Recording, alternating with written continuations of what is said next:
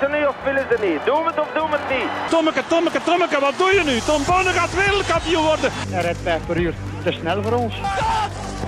Stay on your fight! Fred Kaap. En nog Fred. Jeff Doen is hier. Jeff!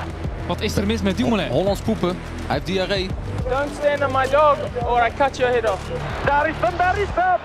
Daar is hem, daar is hem! Daar is hem inderdaad, een nieuwe aflevering van de Jogclub. Vandaag de gast een wereld- en Europees kampioene bij de junioren klimmen. Ze is meervoudig Belgisch kampioen elite klimmen, winnaar van verschillende World Cups in het elite klimmen, zilver op het WK in Parijs, goud op de World Games in 2017 en in november beklom ze Joe Mama een 9A+ in Spanje als eerste vrouw ooit die lijn geklommen. Welkom Annak Verhoeven. Dankjewel.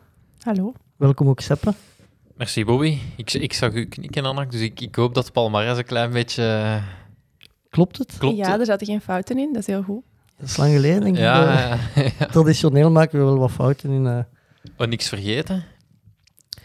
Goh, volgens wat ik gehoord heb, ik zou zeggen, ja, ik ben ook nog Europees kampioen geworden bij de volwassenen dan, 2017. Ah ja. Dus, eh, Oké, dat is wel, nog wel redelijk belangrijk. ja ehm, voor de rest, Anak, ik wil even meegeven dat zowel Seppen als ik eh, redelijke leken zijn in het klimmen. Allee, ik ga soms klimmen met wat vrienden eh, voor het plezier. En als ik dan kijk naar welke routes anderen klimmen, beschouw ik mijn eigen als een leek. En ik weet niet, Seppen, hoe ver dat uw kennis van het klimmen gaat. Eh, ja, ik heb in het middelbaar hebben we een aantal uren in school, in de toenmalige Hungaria was dat nog, geklommen. En eh, ja, ik was er niet super goed in, moet ik zeggen.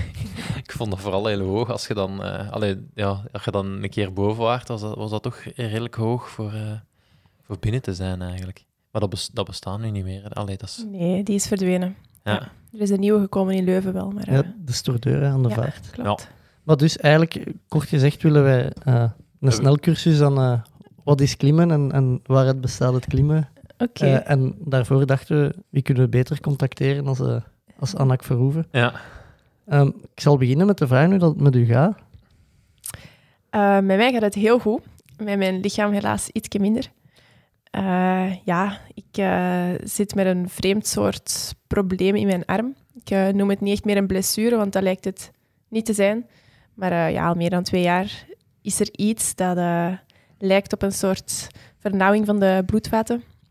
Eh, wanneer ik mijn arm optil. En dus dat zorgt ervoor dat mijn arm verkrampt, verzuurt. eh, vanaf dat ik begin te klimmen. Dus eh, niet afhankelijk van de moeilijkheid van het klimmen, maar gewoon vanaf dat ik begin komt dat opzetten. Dus eh, dat is minder. Maar voor de rest gaat het allemaal heel goed. ja mooi. En is dat te behandelen? Of? Ja, dat is nu de vraag een beetje. Dus eh, ik hoop snel een antwoord te krijgen daarop. Maar eh, ja, dat is heel vaag allemaal. Dus, je hoort zo verschillende meningen en eh, pistes die mogelijk zijn. En Ja. ja. ja, het is heel onduidelijk. Ja, het is, ja, je hebt je armen nodig bij het eh, Klein klimmen, beetje, uiteraard. ja. Uiteraard. Ja. En dat uitziet dan in, vanaf dat je begint verzuren en... ehm, Ja, eh, nu verzuring op zich, dat is wel interessant ook om te weten, dat hoort bij het klimmen. Ja, Dat is eh, heel normaal en dat is wat ik opzoek in de trainingen. En dat is waar je sterker van wordt. Dus eh je armen, die, je onderarmen dan, die eh, ja, verkrampen eigenlijk op een natuurlijke manier. Dus niet zoals het bij mij nu gebeurt met eh, het probleem dat ik heb, maar eh, ja, dat gaat, dat gaat vanzelf. Maar hoe meer dat je traint, hoe meer dat je klimt, eh, hoe minder snel dat komt opzetten. En dan ja, word je ook sterker als je dat gaat zoeken in je trainingen. Dus dat is eh, ja, vechten eigenlijk echt daartegen. Ja. Ik kan al direct inpikken, Bobby, want ik, eh, ik heb zo'n een, een, een bal gehad dat zo draaide. Powerball, ja. Ja, en dat was, ik denk dat dat, is het ook voor te klimmen, dat was toch ook redelijk zwaar voor je onderarmen als Ja. je dan de hele avond zo probeerde. Dat wekt eh, ja, een gelijkaardig gevoel op in Ah, je ja. armen. Ja. Dus ja, dat zorgt ervoor dat je uiteindelijk moet lossen als je aan het klimmen bent. Hè. En eh, dat maakt vaak ook het verschil op wedstrijden. Er zijn veel dingen die een verschil kunnen maken, ook eh, gewoon foutjes en zo. Maar dat, ja, die, die weerstand, zo noemen we dat, die is enorm belangrijk om eh, te kunnen blijven doorgaan op je limiet. En dus ja. waar je op traint, ook mentaal moet je erop trainen om dat te kunnen. Ja. Maar dus wat er gebeurt nu met mijn arm, is eh, ja, iets dat verder gaat dan dat eigenlijk. Dat is eh, ja, iets eh, dat niet enkel in mijn onderarmen is, maar echt in mijn hele arm. En dat de spieren ook echt letterlijk doet verkrampen. Dus je kunt dat voelen dat die dan veel te gespannen staan en zo. Dus. En dat gaat ook niet zomaar weg, want daarvoor kon ik gewoon schudden met die arm en dan heb, kon ik weer verder Ja. door, door het veel trainen gewoon. En dus nu is dat niet meer zo. Dus ja, ik zoek volop naar een oplossing. En in, in hoeverre klimt je dan nu onder je niveau, als we dat zo kunnen stellen? Ik, ik weet niet of dat juist uitgedrukt is. Of... Ja, ehm, ik kan nog steeds zwaar klimmen en trainen, want volgens wat ik gehoord heb ook, is het helemaal niet gevaarlijk om door te gaan, anders zou ik dat niet doen. Ja. Eh, dus ik kan trainen, maar het is mentaal ook gewoon echt heel zwaar om dat met zo'n arm te doen. Maar eh, het is alsof dat u, ja, alsof uw arm eh, ja, al enorm veel geklommen heeft, eigenlijk. Eh, Ja. Helemaal in het begin van een training. Dus Ja. dat is geen probleem om daarmee door te gaan. Je kunt, eh, je kunt daar tegen vechten en zo. Maar eh, dat, is, ja, dat is heel hard. En ik zeg altijd van, ja, zo kan het gewoon niet verder. Want het is Ja. moeilijk om te trainen en om te presteren als je zo merkt dat er iets mankeert aan je lichaam. Dat is heel lastig. Maar dus ook wat ik in november op rots heb geklommen, dat was echt wel op een heel hoog niveau. Er zijn maar drie vrouwen tot nu toe in de wereld die dat gehaald hebben, dat niveau. Dus dat gaat nog wel. Maar ik zou toch graag hebben dat er iets verandert. En is, is dat dan het onevenwicht, is dat ook een probleem dan? Dat je, dat je dan in de arm sterk, alleen meer kunt doen en... Of kunt u daar een beetje bij aanpassen, naar gelang de route dat je kiest? Of... Probeer er rekening mee te houden. Dus ja, hoe hoger het niveau, hoe moeilijker dat, dat wordt. Want dan kun je je arm ook niet Ja. zomaar even lossen en zo. Maar ik probeer er rekening mee te houden door eh, ja, die arm vaker te, te lossen en naar beneden te laten hangen, zodat het bloed beter kan stromen en zo. Maar eh, Ja. het is niet zo simpel. Nee, nee, kan ik me inbeelden. Ja. Ehm, misschien, we zullen eens, eens proberen de, de, de klimsport te ontleden, want je, je doet eigenlijk, één is eh, altijd binnen en is competitie, en het ander is eh, meer routes dat je geklommen wilt hebben. Of, of... Ja, ja, dat is goed uitgelegd. Oké. Ehm, het wedstrijdklimmen is ooit begonnen op de rotsen. Ja. Ook. Ehm, lang voor mijn tijd. Maar eh, zo is het begonnen. En dan relatief snel zijn ze overgeschakeld naar indoorwedstrijden. Die wanden staan wel soms buiten op een plein of zo, maar dat is dus op artificiële klimmuren. Eh, veel praktischer ook, hè, om altijd nieuwe routes te maken en zo. Want dat is eigen aan de sport, is altijd Ja. anders. En dat is moeilijk om dat op rots te doen. Qua publiek, het weer en zo, eh, was dat echt niet meer haalbaar. Dus wedstrijden zijn nu altijd op muren. En, je, Ja. en jij combineert die twee een beetje, want het een is dan meer echt van een uitdaging van ik wil dat gedaan hebben, en het ander is echt puur ja, voor de winnen. En, ja, ja. ja. Ja, zo is dat. En dus eh, het klimmen op rots is eh, ja, heel uitdagend ook. Dat is eh, tof om zo je niveau te kunnen verleggen en dat is ook iets dat blijft. Ja. Meer dan een wedstrijd eigenlijk. Je kunt een resultaat halen op een wedstrijd, maar Ja. op de rotsen ja, is dat een bepaald niveau dat je ook op een bepaalde leeftijd hebt geklommen of zo. Of inderdaad, zoals dat ik nu heb kunnen doen als eerste vrouw of als eerste persoon in het algemeen. Dat is, dat is mij ook eens een keer gelukt. Eh, ook zo'n route. Dus dan ben je de eerste die, daar die boven geraakt eigenlijk daarin. En dat is ja, fantastisch om dat te kunnen doen. En dat, ja, dat is echt zo... Het zijn van die hoogtepunten in je carrière. En eh, het rotsklimmen is, is iets dat dat toelaat om zo van die speciale dingen te doen. En ja, dat is echt iets... Het is dezelfde sport en toch is het ook wel heel anders. Want je bent zo in de natuur, je bent buiten. eh, je zoekt iets dat echt zwaar is op je limiet en je Ja. probeert dat te overwinnen. En dat wordt dan uitgedrukt in, nu was het 9a+. Mhm. Ik vermoed dat het tot 10 gaat. Ik Nee, nog nee. niet. Nee, dat is eh, inderdaad wel lastig om te begrijpen. Ja. Ehm, het klimmen begint bij drie En drie, als en- cijfer. Ja. Want daarvoor is het eh, eigenlijk wandelen. En dus het, eh, ook bergwandelen, maar zonder dat je je handen moet gebruiken. En dan begint je te klimmen. 3 A, B, C, 4 A, B, C. En zo gaat je verder. ja. en dus en- het, het laagste is 3a. 3A, ja. En, dat, en, en met wat kunnen we dat vergelijken? Met, eh, dus je moet wel je Ehm, handen, dat- je hebt die handen nodig, echt al. Ja, ja, dus dat is echt wel klimmen. Dat is verticaal omhoog. Ja. Eh, en je hebt grote grepen vast die eigenlijk iedereen kan houden. Ik zou zeggen, quasi iedereen zou boven moeten geraken daarin.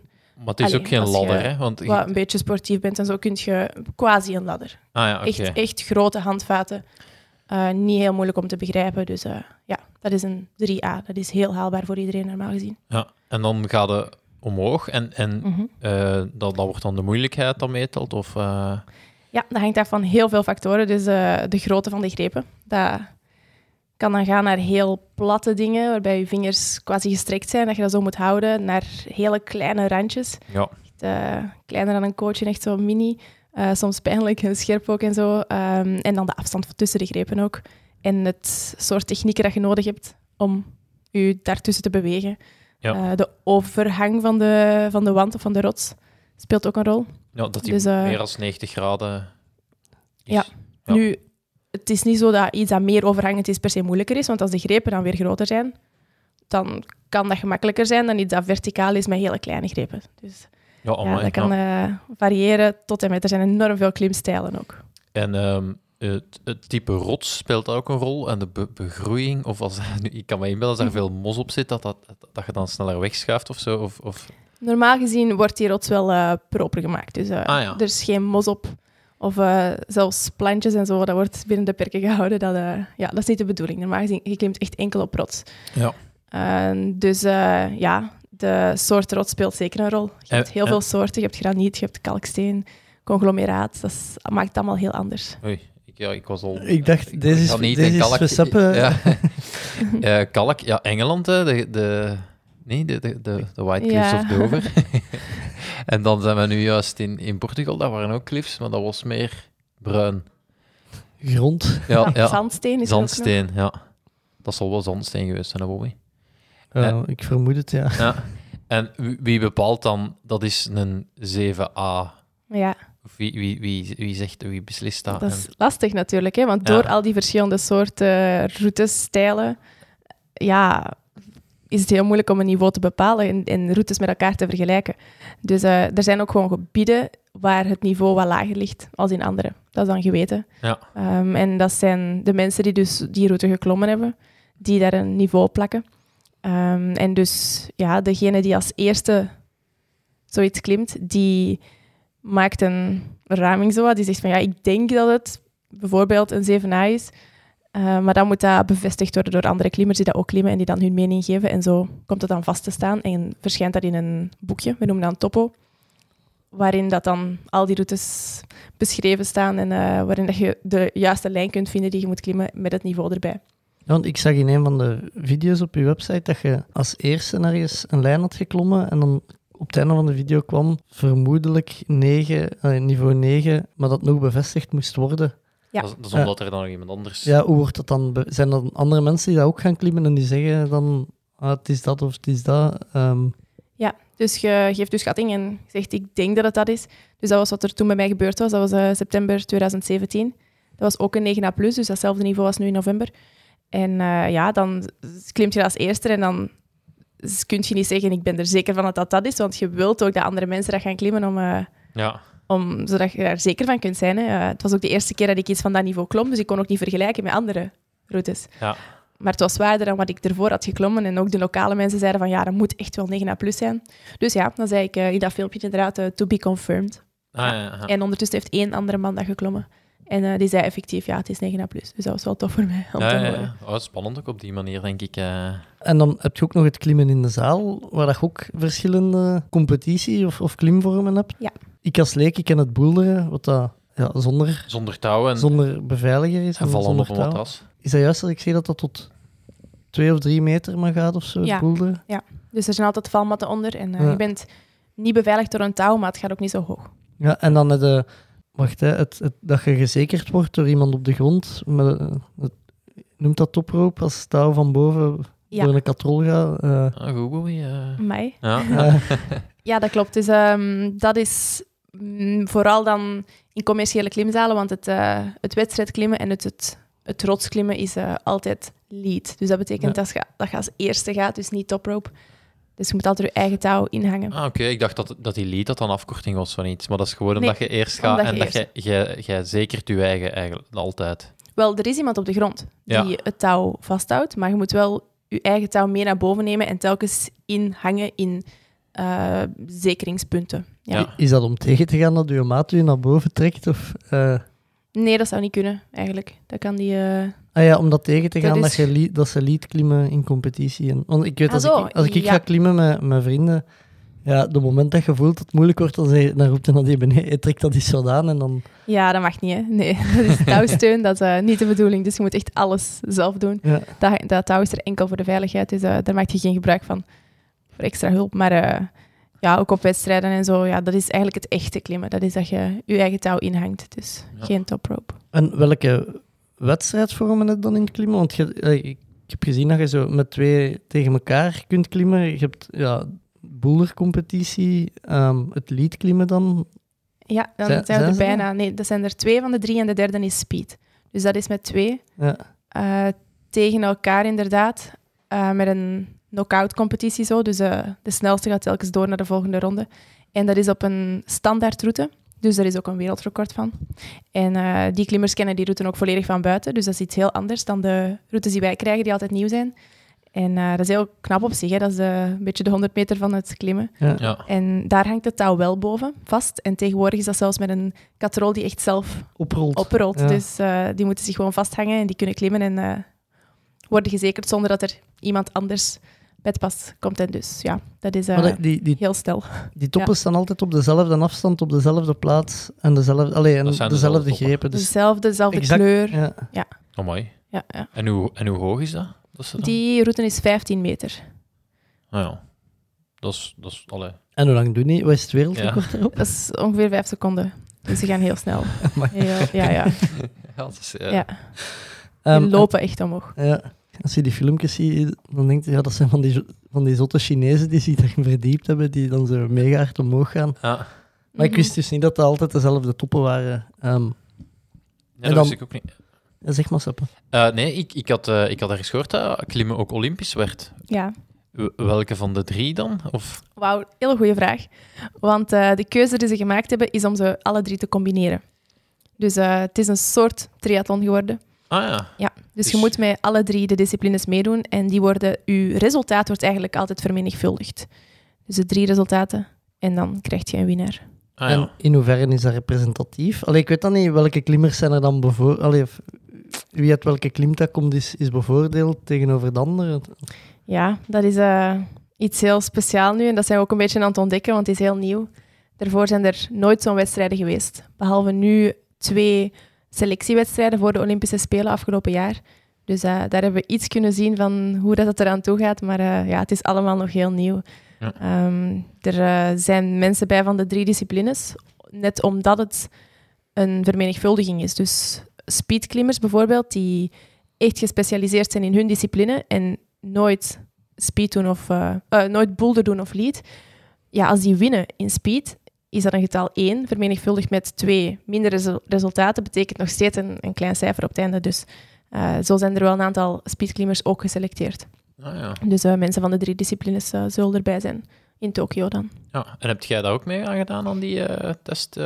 Wel, ik heb een paar jaar geleden dan de beslissing genomen om mij daar niet op toe te leggen. Dus om niet te gaan voor die drie disciplines en mij vooral te blijven richten op, op mijn specialiteit. Dus het Ja. lead klimmen en wel boulder te doen als, als training. En ook speed is wel eens leuk, maar eh, niet, eh, Ja. ja, niet echt... eh, ja, dat, is, dat, is, dat is toch wel een straffe beslissing, lijkt mij. Want Olympische sport wil in mijn ogen dan ook altijd zeggen dat je, dat je er subsidies voor kunt krijgen bij Topsport Vlaanderen. Of, of is, dat, is dat wat kort door de bocht? En, en de Olympische Spelen wordt toch vaak gezien als iets het hoogste wat je kunt halen als sporter? Of, eh, Ja, dat klopt. Eh, dat was een moeilijke keuze, Ja. inderdaad. Nu, het eh, gekke was een beetje dat mijn sport niet echt olympisch werd, want... Nee, dat was nee, iets nee, totaal tuurlijk. nieuw. Dat was bijna een vierde discipline nu. Die, dat is eigenlijk een vierde discipline die Ja, toegevoegd ja, is aan het klimmen. Dus dat was dan echt de vraag van, oké, wie gaat daarvoor gaan? Wie wil dat doen? Dat was inderdaad niet gemakkelijk, want ja, Olympische Spelen, dat, dat klinkt heel groot. Nu, het klimmen is olympisch, maar ook niet helemaal. Het is eigenlijk een, een additional sport, dus het is toegevoegd aan het programma in Tokio. Dus eh, we moeten nog afwachten of het ook eh, Ja, in Parijs erbij zal zijn. Dat, de kans zit erin, maar dat is nog niet 100% zeker. Nee, dan moet het gedelibereerd worden en dan, dan Ja. allerlei commissies die daar nog over beslissen. En, Waarschijnlijk wel, ja. ja, ja. Ja. En heb je het ooit eens geprobeerd of heb je gewoon direct gezegd, nee, ik ga dat, ik ga dat aan mij laten passeren? En... Eh, ja, ik heb, eh, ik heb daar serieus over nagedacht wel. Hè. Dus, eh, Ja, alles op een rijtje gezet en zo. en op dat moment dat ik eigenlijk mijn keuze moest maken, wist ik nog niet hoe dat de, de optelsom van de drie disciplines zou zijn. Dus met dat vermenigvuldigen, Ja. dat was nog niet bekend. Dus dat was ook niet gemakkelijk voor mijn keuze. Maar dus ja, ik heb, ik heb toen echt wel die beslissing genomen. En voordat ik daarvoor zou beginnen trainen, was die keuze dan gemaakt. En uiteindelijk was ik blij daarmee met die, met die beslissing. Ja. Maar eh, ja, er was ook niet veel, er viel ook niet veel te testen eigenlijk, want er waren nog geen wedstrijden, ook op die manier. Dus Nee, nee. het was echt van, oké, ik ga ervoor of niet. En dan zien we wel wat dat gaat geven, hoe dat die selectiewedstrijden eraan toe zullen gaan en zo. Dat was voor iedereen een vraagteken. Ik, ik vraag me af, de klimmers uit welke discipline worden aanschouwd als de favorieten als- over de drie disciplines? Want ik kan me voorstellen dat zo'n speedklimmer, als die bepaalde technieken nooit traint, wat dan een elite klimmer of iemand dat bouldert wel klimt, dat hij veel zal tekort schieten. Eh, en dan misschien het speedklimmen train, trainbaarder is ehm, als een bepaalde techniek of zo. Ik zou zeggen de leadklimmers. Dat die favorieten zijn, omdat die goed zijn in lead. eh, speed wel kunnen bijtrainen, zeker nu in de tijd die ze nog hebben. Ze worden nooit zo goed als de specialisten, maar toch kunnen Ja. wel een redelijk niveau halen. En eh, omdat die ook wel kunnen boulderen eigenlijk, want ja, leadklimmers hebben wel de kracht en zo daarvoor, eh, Ja. het inzicht ook daarin. Ehm, doen dat vaak ook als training. Terwijl boulderklimmers, die kunnen ook wel goed zijn in lead. Eh, zeker als ze dat op jongere leeftijd nog gedaan hebben, wat vaak wel het geval is, dat ze Ja. ook begonnen zijn met lead en zo en dan uiteindelijk gekozen hebben voor boulder. Maar toch, die weerstand, waar we het daar straks over hadden, die ontbreekt wel vaak bij boulderaars. Dus eh, die trainen daar nu wel op. Hè. Degenen die geselecteerd zijn, zijn daar volop mee bezig, maar dat is heel moeilijk om in te halen. Ook, eh, ook die mentale weerstand en zo, om zo te blijven doorgaan, dat is eh, ja, een beetje zoals een marathon of zo. Ja. Als je altijd kortere afstanden gelopen hebt, is dat niet gemakkelijk om dat ineens in te halen. Terwijl die leadklimmers kunnen echt wel ook boulderen. En er komen ook vaak van die boulderbewegingen, zoals we dat dan noemen, in leadroutes voor. Dus eh, op zich, ik zou zeggen de leadklimmers. Kunt je even duiden van in, in een bouldercompetitie zijn ze hoe lang ongeveer bezig aan, aan, aan een lengte te klimmen? Of aan, hoe lang is dat als ze... Is dat niet meer zo in een grot, denk ik dan altijd, dat je zo ondersteboven wat hangt en alleen op je Nee. armen... Nee, nee, oké. Nee, niet speciaal. Nee, nee. Dat, ehm, dat kunnen zelfs heel verticale wanden zijn ook. Ah, ja. Dus eh, dat zijn verschillende boulders die ze voorgeschoteld krijgen. En sommige zijn wat wij noemen slabs. Dus dat betekent puur verticaal of zelfs een klein beetje liggend. Met minuscule greepjes en waar het echt aankomt op evenwicht vaak en zo. En het eh, helemaal precies plaatsen van je voeten. Dus dat kan een beetje van alles zijn. Dat kan inderdaad ook heel overhangend zijn en enorm krachtig. Maar ja, ze weten ook nooit wat er op voorhand komt. Van Ja. een soort boulders en bewegingen en zo. En eh, de tijd, wel, dat is het grote verschil eigenlijk met leadklimmen. Dat is dat die verschillende pogingen mogen doen. Dus in een maximumtijd. Ah ja, Ja, in een finale is dat vier minuten. En die mogen zoveel keer proberen als ze willen. Nu, het is ja, ook een beetje een strategie om te bepalen hoeveel pogingen dat je gaat doen. Het beste is altijd om in je eerste ja. poging die boulder te klimmen. En anders ja, moet je soms eh, kiezen voor wat meer rust. Om nog maar één poging te doen in plaats van drie bijvoorbeeld. Maar je hebt wel meer gerust. Dus dat is een beetje ja, een spel ook zo om, eh, om goede keuzes te maken. Ja. Ja, Ik heb vorig jaar of zo heb ik eh, toevallig zo de finales van de Wereldbeker of van het WK of zo, van het boulderen, dat verscheen op YouTube en ik dacht, ah, dat ziet er... En die komen inderdaad, die komen van onder die muur uit, alleen van precies zo een kotje achter die muur. En die, die mogen niet naar die, naar die muur kijken tot op een bepaald signaal en dan draaien die zich om. Ja. En die klimmen ook, die klommen ook twee, alleen met twee tegen elkaar. Alleen op alle twee Waarschijnlijk dezelfde route wel of zo, maar naast elkaar. Of... Ehm, normaal gezien niet. Nee, dat ehm, kan zijn dat een man en een vrouw tegelijk klimmen. Dat hebben ze wel onlangs afgeschaft, dat er echt maar één iemand bezig is. Ah, In een finale dan toch. Kwalificaties zijn anders, halve finale is anders. Ehm, maar misschien was dat een soort meesterswedstrijd die Ja. één keer per jaar plaatsvindt. denk- en dat is iets dat anders. was, ja. Dan eh, is dat ook met een knock-out systeem, waarbij dat, eh, er telkens een aantal mensen doorgaan tot er twee overblijven. Dat is heel spannend. En dan voor plaats 1 en 2 klimmen die inderdaad een identieke boulder op tijd. Dus dan moet er zo snel mogelijk boven geraken. Maar dat is niet het, eh, het officiële format. Dat is, oké. daarmee dat op YouTube was ook waarschijnlijk dat het op die manier een ietske... ja, het zag er spectaculair uit. Ja, Allee, dat kan ik me inbeelden. oké, allee, je kent dat, dan, dan begin je daar naar te kijken en denk je, ik, ik ga twee minuten zien en dan uiteindelijk ze de 40 minuten verder Ja. en, nog aan het Dat kijken. is het goede format. hè. Ja, Ehm, dus voor de officiële wedstrijden is het inderdaad zo dat die klimmers uit isolatie komen. En dat is bij mijn discipline ook zo, want je mag elkaar niet zien klimmen. Dus je Ah, ja. zit in afzondering, eh, je komt één voor één naar buiten. Dus ook bij dat boulderen inderdaad, dan eh, komen ze voor hun boulder te staan en dan eh, op een signaal draaien ze zich om, bekijken ze die boulder voor het eerst en eh, doen ze pogingen daarin. Dat is eh, ja, de manier, dat is toch hoe dat het gaat ook in de halve finale. Ik weet niet juist hoe dat, dat was op die meesterswedstrijd, maar in de finale krijgen ze wel een aantal minuten op voorhand, in groep dan, om die te bestuderen, die boulders. Ah, ja. En dus ook bij het leadklimmen, wat ik doe, mogen we zes minuten op voorhand de route gaan bekijken, wat op zich niet veel is. Zeker niet als er heel veel grepen in zitten, bijvoorbeeld, die je nog nooit hebt gezien. Dat is ja, nogal stresserend. En ja, je bekijkt dat van beneden uit. Uh, je kunt soms niet helemaal zien hoe dat je die moet nemen en zo. Of je begrijpt soms niet helemaal wat de bedoeling is van die routebouwers. Want het zijn mensen die die, die maken en die die grepen op die muur plaatsen. En dat is soms heel ingewikkeld. Dus je probeert zoveel mogelijk informatie te verzamelen. Je bespreekt dat ook samen wel met je concurrenten.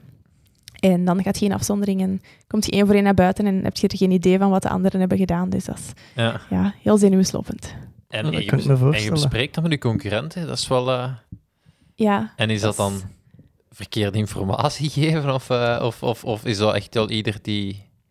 Goh, over het algemeen niet. Ik hoop dat natuurlijk ook wel dat ik geen verkeerde informatie krijg. Maar op zich uh, ja, is het voor iedereen nieuw. En je merkt wel dat je concurrenten bent, maar dat het op zich ook geen kwaad kan om gewoon een route te bespreken. Want ja, je, je weet niet wat, wat het zal geven en uiteindelijk komt het toch wel aan op andere dingen ook. Uh, en op, uh, hoe dat je in vorm bent en zo, en hoe, welke beslissingen dat je op het moment zelf maakt ook, als je aan het klimmen bent. Dus uh, er wordt over gesproken en je deelt wat informatie met de anderen en je zegt, ja, ik denk dat dat zo misschien bedoeld is en iemand anders geeft zijn mening. En, ja, en soms wordt er waarschijnlijk wel, worden er waarschijnlijk wel dingen verzwegen ook. Hè. Dat is, ja, dat is, uh, zou ja, me niet verbazen. Maar, ja. ja, natuurlijk. En, en die, um, die grepen hebben die speciale kleur? Is dat bijvoorbeeld een hele kleine is altijd een groene? Of, of dat, dat zit, daar zitten geen regels in? Nee, nee. De kleuren, dat kan van alles zijn. Ja. En de vormen ook, dat, eh, dat verandert constant. Dat is een hele markt geworden ondertussen, met uh, constant nieuwe grepen die uitkomen en zo. Dus uh, heel vaak worden die nieuwe grepen gebruikt en heb je die gewoon nog nooit gezien. Ja, en naar wat, ah, dus naar wat gaat het dan kijken? De, de, de, lijn die je naar boven kunt klimmen? Of, of, of, of wat zijn zo de dingen waar je dan nu op gaat concentreren? Wel, er is maar één lijn, dus het is niet zo dat je ineens een splitsing hebt of zo en dat je kunt kiezen naar waar je ah, gaat. Het is echt uh, één lijn met ja, maar één manier om boven te geraken. Soms kun je wel iets kleins anders doen of, of uitvinden, zoals bijvoorbeeld je heel ergens leggen en daardoor een beweging wat iets gemakkelijker kunnen doen, dat de routebouwers daar niet aan gedacht hadden. Maar over het algemeen is het echt wel zo bedoeld. Alleen is het vaak moeilijk om dat, om dat te begrijpen als je maar zo weinig tijd hebt om die route te bekijken en als je daar hangt. Uh, ze maken soms heel speciale dingen en speciale bewegingen, waar je dan op dat moment aan moet denken. Ja. En uh, als je te lang wacht, ja, dan valt je gewoon. Dat is uh, ja, moeilijk. Maar waar je op let, dat is ja, allereerst gewoon de handgrepen. Dus hoe dat je die gaat nemen, met welke hand, waar op de greep. En dan de voetsteunen. Dus dat zijn meestal kleinere grepen. Je kunt je voeten ook op de grote zetten natuurlijk, maar je moet wel al die kleintjes ook gezien hebben. Dan uh, eventuele rustplaatsen, als dat er is. En dat is dan een relatieve rust natuurlijk, maar om zo eens een keer links en rechts te kunnen schudden. En wat is een rustplaats? Is dat je je twee voeten op ergens hebt staan en dat je één arm kunt lossen? Of? Ja, eigenlijk ah. wel. Ja. Dus dat je iets even kunt, kunt lossen, een klein beetje op adem kunt komen. En soms kun je dat wat zien op voorhand. Vandaar misschien uh, kan ik wel recupereren. Dus dat is gewoon om dat gezien te hebben op voorhand. Dan uh, de plaatsen waar je je touw dus gaat inhangen in die punten. Dus we noemen dat inpikken. In uh, een soort musketon daar dus hangen. En je moet die ook allemaal in de juiste volgorde ingepikt hebben. Dus je mocht er niet zomaar overslaan. Dat heeft te maken met de veiligheid. Ja. Maar dus ook op dat vlak moet je goede keuzes maken. Dat is iets dat bij het leadklimmen komt. Dus dat niet bestaat bij de andere disciplines dat je ook goed moet kunnen, gewoon om die techniek om dat erin te hangen, wat op zich niet zo gemakkelijk is, want soms zijn dat hele lange slings en ja, als je die niet goed pakt, dan zwieren die weg en uh, kun je daar kracht mee verliezen en zo. Dus, uh, dus dat moet je kunnen. En ook op welke plaats dat je dat gaat doen, want soms zijn er verschillende opties. En uh, als je te verder voorbij bent, dan... Als je echt te ver bent, moet je stoppen. Maar als je iets te ver bent, moet je soms ja, een greep terugkomen en zo. Dus dat kan allemaal krachtverlies betekenen. Dus op al die dingen probeert je te letten in die zes minuten. Ja, en als je zo in, inpikt, vraag ik me altijd af, de, de moment dat je dan één uit, uitpikt, klopt Ik weet niet of nee, nee, die blijven daarin steken. Ah ja, het is niet dat je ooit op even niet verzekerd bent of dat je niet... Nee, nee, het is altijd veilig. Ah ja, oké. Ja. ja. het is heel veilig. Ook als je verandert van, uh, van musketon, dan... Wel, dat is altijd gewoon een volgende. Ah ja, oké. Dus uh, ja, en als je valt, valt je terug op de laatste die je hebt ingehangen. Ah, ja. Maar er is nooit zo'n grote afstand tussen dat er uh, een risico is. Ah ja, oké. Um, dus dan heb je zes minuten dan, en dan ga je in isolatie? Of dan, hm? En dan wordt een volgorde bepaald dat er geklommen gaat worden? Ja, dus um, dat is de volgorde uh, van de kwalificaties. Als we nu spreken over de halve finale, ja. dan uh, wordt er gekeken naar hoe goed dat je het in die vorige ronde hebt gedaan. En degene die eerst staat na de kwalificaties klimt laatst. Dat is gewoon tof voor het publiek, omdat de mensen dan hoger en hoger gaan, theoretisch gezien. Dan. Ja. Eh, en in de finale net hetzelfde. Dus de halve finale waren 26 beste, finale 8 beste. En eh, dan opnieuw klimt de beste als laatste. Ah ja. En eh, de kwalificaties is net iets anders, want daar mocht je elkaar wel zien klimmen. En dat is gewoon een praktische reden, en omdat er veel te veel volk is dat meedoet. En Ja, als je die allemaal in een isolatie zou moeten steken en dan één voor één twee routes laten klimmen, want dat zijn twee routes, dan eh, is dat gewoon niet haalbaar qua tijd. Ja. Dus eh daar mocht je elkaar wel zien en is er een demonstratie op video van die route. En dat is gewoon voor de eerste klimmers, want anders is dat niet zo eerlijk, want die hebben nog ja, niemand kunnen zien. Ja. Dat is altijd wel een beetje een nadeel natuurlijk, dat je de methodes van de anderen niet kunt zien. Maar eh, dat zijn de kwalificaties, dus daarin mocht je wel eh, de anderen zien. Ja. En hoe lang, hoe lang duurt die? Of, want wat is het doel van uw wedstrijd? Zo, zo hoog mogelijk raken, zo snel mogelijk? Of? Zo hoog mogelijk. Ja, dat is eh, nog een heel belangrijk punt inderdaad. Ja. Dus ja, je gaat totdat je niet meer kunt. Eh, je vecht eigenlijk. En dus dat is, dat is moeilijk ook als je niet weet wat genoeg is om te winnen, want je weet niet wat de anderen hebben gedaan. Ah ja, Maar tuurlijk. is het ook niet dat je een tijd hebt waarin dat je boven moet geraken? Inderdaad. Ja, dus er is wel een maximumtijd om, En- eh, Maar om die ook, te klimmen. Ja, het kan ook dat er niemand boven geraakt. ja zeker. En dan ja. is het gewoon wie het verste is geraakt. Ja, ja, dus dat is eigenlijk het doel van de Dat je niet boven geraakt. sport ook wel. Dat is, het zou zo moeten zijn dat de route enorm zwaar is en eventueel één top. Want top betekent dus dat je de route uitklimt. Dat is knap voor het publiek. Ja. Maar eh, als er meerdere tops zijn, dat is eigenlijk niet de bedoeling. Want eh, ja, dan was de route wat te gemakkelijk.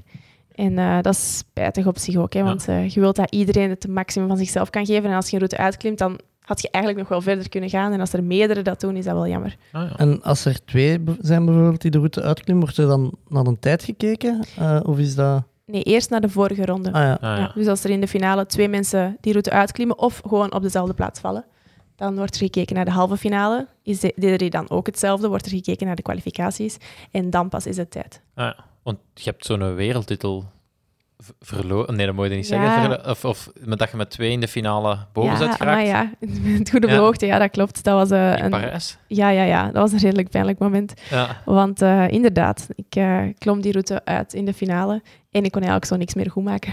Van, eh, Ah, ja. En, van, je, en je wist dat de, je concurrente beter was in de halve finale, dus dat dat... ja, Maar de muur is Ja, op, dus ja. je kunt niet... Je kunt niks meer doen. Ja, en dus die route was echt wat te gemakkelijk. En het jammer was ook gewoon dat ze dat eigenlijk wat bewust hadden gedaan voor de show. Denken dat het publiek dat graag ziet, eh, tops. Mm, ik ben het nou, niet helemaal mee eens, want ja, mensen zien ook gewoon graag Vallen. het maximum van, de, van, van wat een klimmer kan. En Ja, iemand echt ja, een gevecht zien voeren met die route is ook mooi. Dus, eh, dus ja, maar ze hadden echt wel bewust die route wel gemakkelijker gemaakt, omdat er al een, een ranking was. Dus dat wij al eh, gesplitst waren eigenlijk in de, in de halve finale. En daar had ik een foutje gemaakt. En allee, dat had te maken met zo'n inpikpunt, dat ik iets te ver was, eh, dat niet meer kon inpikken, dus eigenlijk niet meer voort kon. Dus, eh, dus dat was wel jammer. Maar je denkt van, oké, eh, Straks finale. ja, de finale komt nog. Hè, daar kan ik echt alles geven wat ik heb. En uiteindelijk was dat niet zo. Dus eh, ja, ik was wel blij natuurlijk dat alles goed was gegaan, want je kunt altijd vroeger vallen ook. Ja. Er zijn zoveel zaken die fout kunnen gaan, dus op zich was het wel goed. Toen ik boven kwam, was het zo van, ah, ik wou dat de muur nu langer was en dat ik, eh, dat ik nog verder kon gaan, want eh, ja, er zit echt nog meer in. En dan degene die na mij klom, deed hetzelfde als mij. En dan is het van, ja, oké, ja, ik kan er niks meer aan doen. Ja. Ja, dat moet inderdaad eh, zuur zijn. Ik, vra- eh, wat ik me afvraag is, ehm, in België wordt het volgens mij vooral aanzien als een, een ja, recreatieve sport. Allee, het wordt heel veel recreatief beoefend. En, en als je naar een klimzaal gaat kijken, staan er veel mensen met hun vrouw of met vrienden, ehm, maar wat dan proberen, maar niet om te zeggen dat die daar echt doorgedreven op trainen, maar hoe globaal gezien, hoe, hoe groot is zo de, de klimscene, als we dat zo mogen zeggen? Want in die, als je die wedstrijden ziet op internet, daar zit altijd wel veel volk in de zalen. Ja, en zo. veel sfeer, ja. Ja, ja. Goh, de klimmerswereld is enorm aan het groeien, zou ik zeggen. Dat, eh, dat zie je inderdaad in de Belgische zalen al. Dat er meer en meer mensen komen. eh, dat s'avonds de sta- zalen echt vaak vol zitten. En internationaal is dat net hetzelfde. Ik hoor dat van, eh, van mijn collega's eigenlijk dan eh, overal Ja. wordt het meer en meer populair. En dan eh, ja, op hoger niveau ook wel. Dus eh, het groeit. Ja. Ja, en, is, en is dat... eh, wil dat ook zeggen dat je daarvan kunt leven? Dat je professioneel klimmer kunt zijn? Of is dat... Er zijn best wel wat klimmers eh, die ervan leven nu. Voor mij is dat nog wat moeilijk. Dus ik hoop dat dat zal lukken. Ja. Dat is nog niet het geval, maar ja, hopelijk komt dat nog. En dat is, on- dat allee, als in andere sporten, uw prijzengeld en dan sponsors die... Sponsors die kosten- vooral. Ja, sponsors ja, die dingen... Ja. Ja. Oké, en, en ehm, hoe doe je dat dan nu? Hoe, want je, je- ja, het is niet altijd bij de deur, eh, de wedstrijden. Het is niet altijd... nee, eh, niet echt. Hè. Ehm, ja, dat is eh, soms wat voorzichtig zijn ook met, met hoe dat ik dingen aanpak en, eh, en eh, ja, wat dat ik doe qua accommodatie en zo ter plaatse. Eh, we hebben ook een klein busje, mijn ouders en ik, dus eh, dat gebruiken we ook wel. Staat hier Om- naast de deur. Ja, voilà, ja, zag ja, het, ja. een eh Volkswagen busje, dus om, eh, ja, om ons te verplaatsen en om tussen wedstrijden en zo en eh, op stages dan, of als ik op de rotsen ga klimmen, om eh, daarin te slapen en zo. Dus eh, dat doen we heel graag, hè. dat is helemaal geen probleem, maar dus op die manier lukt dat wel. Maar dat is niet zo gemakkelijk. Nee, natuurlijk. Ja. En dan, maar dan is het, het is wel een positieve zaak. Misschien ook dat het Olympisch wordt, dat er meer aandacht naar gaat. Of, of, of zie, zie ik dat verkeerd? Ja, dat valt nog wat af te wachten eigenlijk, want voor Wat mij op ja. zich verandert er niks op het moment nu. Ik ga er ook niet voor, dus dat is nogal logisch. Ja. ja. Maar ja, het is eh, niet helemaal zeker dat dat echt eh, heel veel zal veranderen, of toch niet in België. Want eh, je hoort al verhalen en zo van zaken die inderdaad voor klimmers dan positief veranderen. Maar eh, op zich voor mij op het moment nog niet. Ben ik juist als ik zeg dat vorig jaar heeft er een klimfilm een Oscar gewonnen voor eh, beste documentaire. Ben ik juist als ik zeg dat dat misschien meer impact heeft op de klimsport als het Olympisch maken? Oh ja, dat zou eigenlijk wel kunnen. Die film is denk ik heel veel bekeken geweest. Ja, moeilijk om in te schatten natuurlijk voor mij, want de Olympische Spelen zijn ook nog niet geweest. Maar ja, dat, eh, dat had wel eh, een impact op de bevolking, zo te ik, horen. ik weet Ja. bijvoorbeeld, gelijk ik, eh, ik heb altijd, allee, ik vond dat plezant om te gaan klimmen en zo, maar dat is zoiets, je vindt dat leuk, maar daarom doe je dat niet altijd. En ik weet met, met die film te zien, dat ik dacht van, ah, verdomme, ik moet eigenlijk wel, ik ga dat terug wat meer doen. En dat dat zo wel, ja, dat heeft aangewakkerd bij mij om, om terug meer te gaan klimmen. En ook om zo actief op zoek te gaan naar eh documentaire. Allee, op Netflix staan er veel documentaires over klimmen en zo. eh, om dat te gaan bekijken. En ik denk dan misschien dat dat de sport meer kan doen groeien. Of meer aandacht voor sponsors naar de sport lokken. Ja. Misschien wel. dan, dan puur het competitieve.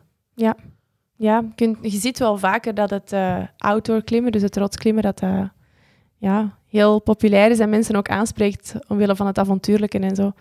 Dus eh, dat is ja, Eh, bijzonder voor mensen om te zien, denk ik, dat je zo aan een rots kunt blijven hangen. Ja, allee, Ja, in, in andere sporten eh, heb je ook dat gegeven van eh, snowboarders die, die ja, niet per se de wereldbeker nog gaan doen of, of de X-Games, maar die gewoon films maken over eh, ja, Ik snowboard. freeriden Ja, ja. Ja, dat is het toffe aan klimmen ook, hè, dat je kunt kiezen voor competitie, maar dat dat niet de enige optie is. Dus dat je echt ook nog ja, kunt gaan rotsklimmen en zo, dus los van wedstrijden en, en daar ook nog serieuze dingen kunt gaan doen. Dus eh, dat is echt wel plezant dat dat bestaat. En Ja. nog even over uw wedstrijd. Hoe, hoe lang duurt uw wedstrijd dan? Is dat dan ook die vier minuten?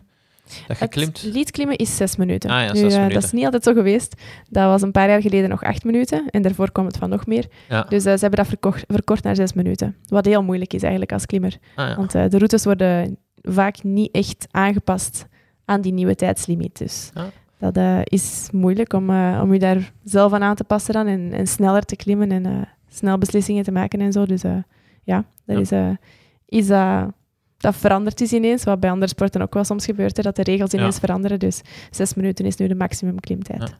En ehm, je zei juist dat dat, dat, dat echt... heb je een idee van, van je hartslagen? En omdat je zei van ik verzuur helemaal of ik... eh, Oh nee, daar ben ik zo niet mee bezig, Nee. normaal gezien, niet met de hartslag, nee.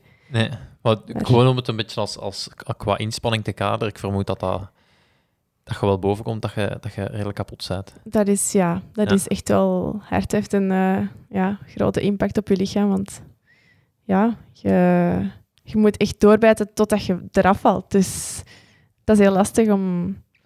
Ja, om... Ik- ehm, Ik heb soms zo het gevoel, Seppe, dat ik zo...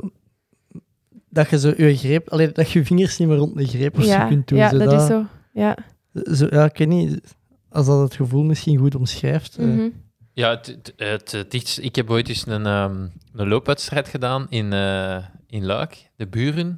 En dat was, eh, dat was, dat was eh, die trappen een paar keer oplopen. En dat, oh, allee, dat was ook echt een gevoel van verzuring dat ik nog niet vaak had meegemaakt. Ik, ja, je, je krijgt inderdaad, maar dat was, dan, dat was dan enkel in je benen natuurlijk. Dus ik, misschien dat dat iets bij, bij klimmen is ik Ja, en je ben. trekt en je weet niet... Ja, je weet eigenlijk zelfs niet hoe hard het zal worden. Zeker niet op een wedstrijd, want Ja, ja, je moet gaan totdat je niet meer kunt. Maar hoe ver zal dat gaan? Ja. Zal, moet, zal, zult je moeten gaan daarvoor, dus eh, dat is moeilijk. En ehm, ja, voor de rest, je hebt dus die, die pure verzuring, maar ook je vormspanning die je moet blijven houden.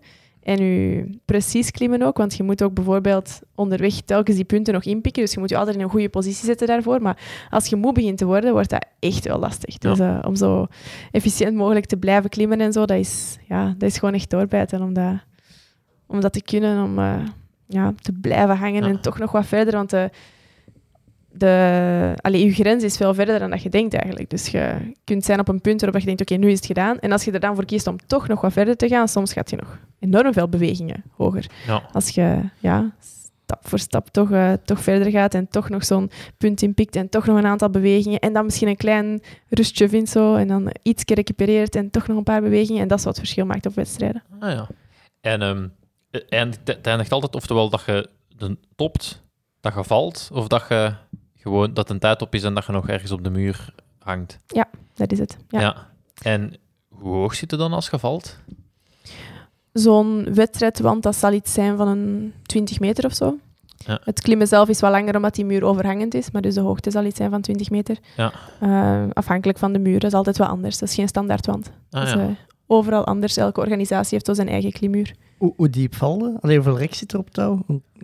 Er kan, allee, ik weet dat daar wel waar ik op kan zitten. Ik, zag een filmpje touw. en ik vond dat dat toch redelijk lang duurde. en Dat je nog redelijk veel vrije val had, of hoe moet ik dat omschrijven? Ja, want dat is eigenlijk een goede val dan. Dus de bedoeling is wel dat dat mooi wordt opgevallen, di- opgevangen, dynamisch. Ja. En dan voelt je daar niks van. Dus, eh, maar dat is ook iets waar je natuurlijk wel op moet oefenen, dat je daar totaal niet mee bezig bent. Want als je bezig bent met vallen, dan kun je niet goed klimmen. Dan blokkeert je helemaal en zo. Dus eh, ja, je mocht totaal geen schrik hebben. Maar een mooie val, dus iets dat de zekeraar goed heeft gedaan, want daar kun je zelf niks aan doen. Dat betekent dat je ehm, wat extra touw krijgt op het moment van de impact. Waardoor dat je mooi doorglijdt eigenlijk en geen schok krijgt Ah, op je lichaam. En dan kun je inderdaad in één beweging zelfs eh, tot op de grond komen, maar zonder dat je op de grond valt natuurlijk. Maar eh, dat is wel ja, één vloeiende beweging en dat gaat redelijk snel. Ja, Ah, ja. Ja, en de, een hoogtevrees, hoe zit dat? Ja dat mocht je totaal niet hebben. Ja. Nee. Dus je kijkt naar beneden, dat, dat doet u niks. Dat doet u niks. Ah, ja. Klopt. Want ik denk niet dat ik hoogtevrees heb, maar ik had altijd zoiets van, ja, iedereen heeft toch een klein beetje schrik als je zo hoog hangt en je kijkt naar beneden. Van, eh, Ja, dat dat je het niet gewoon wende daaraan? Of? gezonde schrik. Hè? Dat is, dat is Ja. goed op zich, dat je niet zomaar ergens zou afspringen en zo. Dat heeft elk mens nodig. Maar ja, je bent daaraan en dat, eh, ja, dat is ook wel echt nodig. Want als je zo ook aan een rotswand hangt of zo en dat zou je echt heel veel doen, dan, dan durf je niet eh, te Ja, ja. bewegen. Dus je moet heel ja, los en ontspannen kunnen bewegen. En als je ermee bezig zou zijn dat je zo hoog hangt en zo, dan, eh, ja, dan zou het niet gaan. Nu. ja. Ja, maar er is ook gewoon totaal geen gevaar. Dus dat, dat leert je ook. Dat, je, dat er niks is om schrik voor te hebben. Hoe, hoe ontdekt je als kind dat je talent hebt of aanleg voor het klimmen? Goh, ik ben begonnen met mijn ouders, omdat zij klimmers waren. En ehm, ja, ik klom gewoon omhoog. En het waren andere mensen die zeiden dat ik een mooie stijl had en zo. En dat ik dat goed deed. Maar voor mij was dat van, ja, allez, ik doe niks speciaal. Ik ga gewoon omhoog. Ja. En eh, ja, uiteindelijk bleek dan wel dat ik er goed in was. En zeker toen ik dan begon met wedstrijden, ja, merkte ik wel dat ik, eh, dat ik talent had daarvoor. En Ja. ja, zo ben ik blijven doorgaan. Je bent begonnen als je vier waard, las Ja. ik. Ja, Ja. m- Mijn dochtertje is, is juist vier. Eh, die, kan nog niet alleen de trap op. Allee, die kan dat wel, maar die, die moet die toch nog altijd... een Dus ik, ik, ik vind dat echt fascinerend, allee, dat je dan echt al begint met, met, met te klimmen. Maar als, als beide ouders deden het dan? Of, Ja. eh, ja. Dan doet je dat na, ja. ja. Maar eh, dat was ook heel veilig natuurlijk. Hè. Ja, Dus, eh, als ik zo omhoog ging, dan... en zeker als ik... Toen ik mijn eerste route klim, en dat was dan voorklimmend, dus dat je je eigen touw meeneemt. Maar toen ging mijn vader er ook wel naast en zo, dus eh, er kon niks gebeuren. Ah, ja. En als je zo begeleid wordt, dan is dat heel haalbaar als kind. En is dat dan gewoon in de klimzaal beginnen? Ehm, Nee, Of- dat was op de rotsen. ah, Ja, ik ben begonnen op de rotsen. Amai. Ja. straf. Ja. Ehm, over de rotsen. Ik, ik heb daar nog, een, nog een, een praktische vraag. Je zegt juist van, ik ben, ik ben de eerste die die heeft beklommen. Eh, hoe doe je dat dan met die zekerpunten? Of die... Wel, bij zo'n hele zware routes, eh, dan klimt je dat niet in één keer. Of dat klimt je niet van de eerste keer. Dan eh spendeert je eerst wat tijd aan het ja, bestuderen van die bewegingen en zo. Dus dan hang je daarboven, eh hangend in je touw voor een groot stuk van de tijd en zo. En klimt je die route niet ineens van beneden tot boven. Dat is onmogelijk eigenlijk om dat te doen bij iets van zo'n niveau of iets op je limiet. Dat kan elk niveau zijn op zich voor een klimmer. Ja. Maar als je zo probeert je grenzen te verleggen, dan ja, moet je eerst al die bewegingen uittesten op voorhand. En eh, dan hangt je ofwel tijdens dat uittesten die zekerpunten zelf, of eh, hangen die zelf standaard in de rots. Ah, ja. Eh, dat is bij sommige routes zo dat, ja, dat die er gewoon permanent hangen. Omdat het moeilijk is om die daarna terug te recupereren. Omdat dat zo lang is en overhangend en zo, dat dat bijna onmogelijk is zelfs. Dus dan blijven die er gewoon hangen. En, en je bent dan zeker dat de je vorige dat goed heeft vastgezet? Of, of, of zijn daar regels? Ja, of... dus bij het soort klimmen dat ik tot nu toe heb gedaan, dus dat zijn eh, enkele lengtes. Ik bedoel één lengte, dus een, een enkele len- lengte. Dan eh, zijn er Touwlengtes. haken, touwlengtes, Ja. ja. Dan zijn er haken in de rots bevestigd op voorhand. Dus ja, dan vertrouwt je dat dat goed is gebeurd, maar dat zou wel moeten. Ja. En eh, daarin hangt je dan, wat ik dan nu een zekeringspunt noem, wij noemen dat een setje. Want dat is een musketon, een sling en nog een musketon. Dus één musketon gaat in de haak en in de tweede hangt je eigen touw. Ja. Dus, eh, dus die moet je dan zelf nog in Dus, de rotswand hangen. Het zijn de haken die blijven in de rotswand. Die haken zijn er constant. Ja. Ja. Ja. Ja.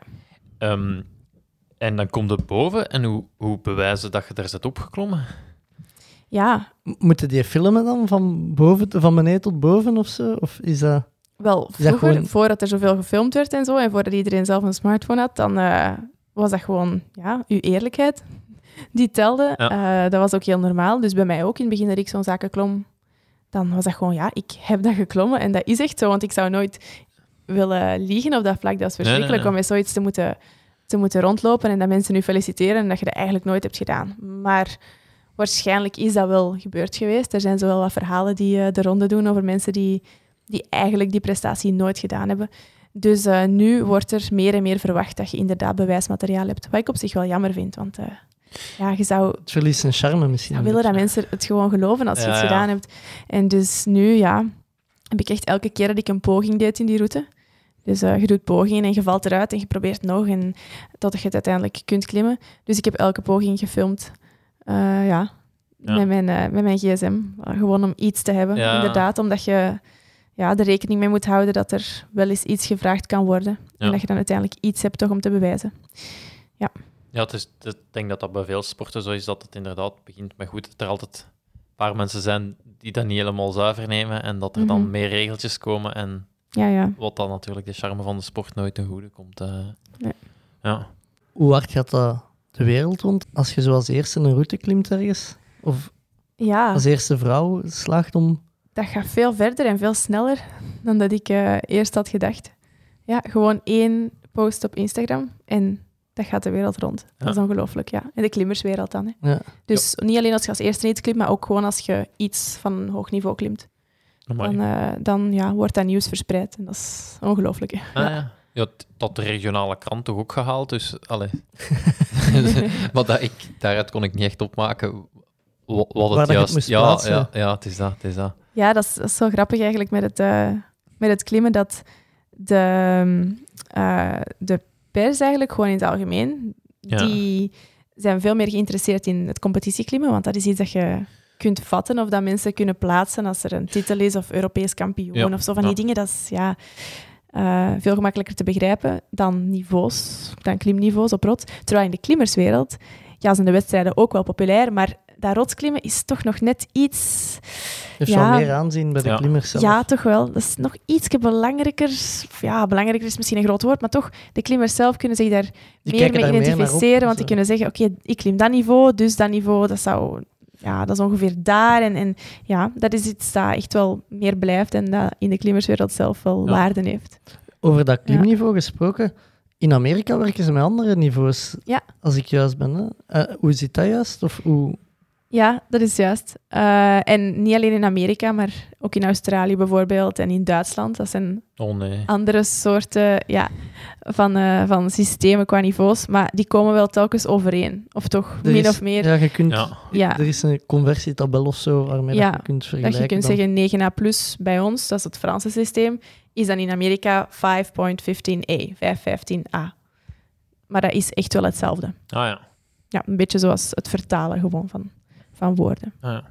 Ja, ik denk dat het voor mij werd het wel duidelijk wat, wat een prestatie dat was als iemand, als ik ergens las van, oké, je bent de eerste vrouw eh, die die lijn geklommen, en dat er maar drie ter wereld zijn die dat niveau aankunnen. Dan werd dat iets duidelijker voor een, voor een leek, omdat, Ah, ja. ja. En ik kan, me, allee, ik kan me inbeelden, als de sport populair wordt en je hebt dan drie, vier verschillende soorten, eh, dat dat ook niet makkelijk is, zeer dat eh, iedereen weet van, oké, 9a+, dat, dat, dat is wel niet simpel. Het, Mhm. ja, je kunt misschien Ik zal u zeggen, Seppe, eh, ik slaag erin om los uit de pols 5B te klimmen. Eh, en ik zit daar nog altijd, dus... dat is dan binnen. Dat jij Ja, ja, ja. Is, dat, is dat, dat is hetzelfde wel, hè? Je kunt dat even goed binnenklimmen.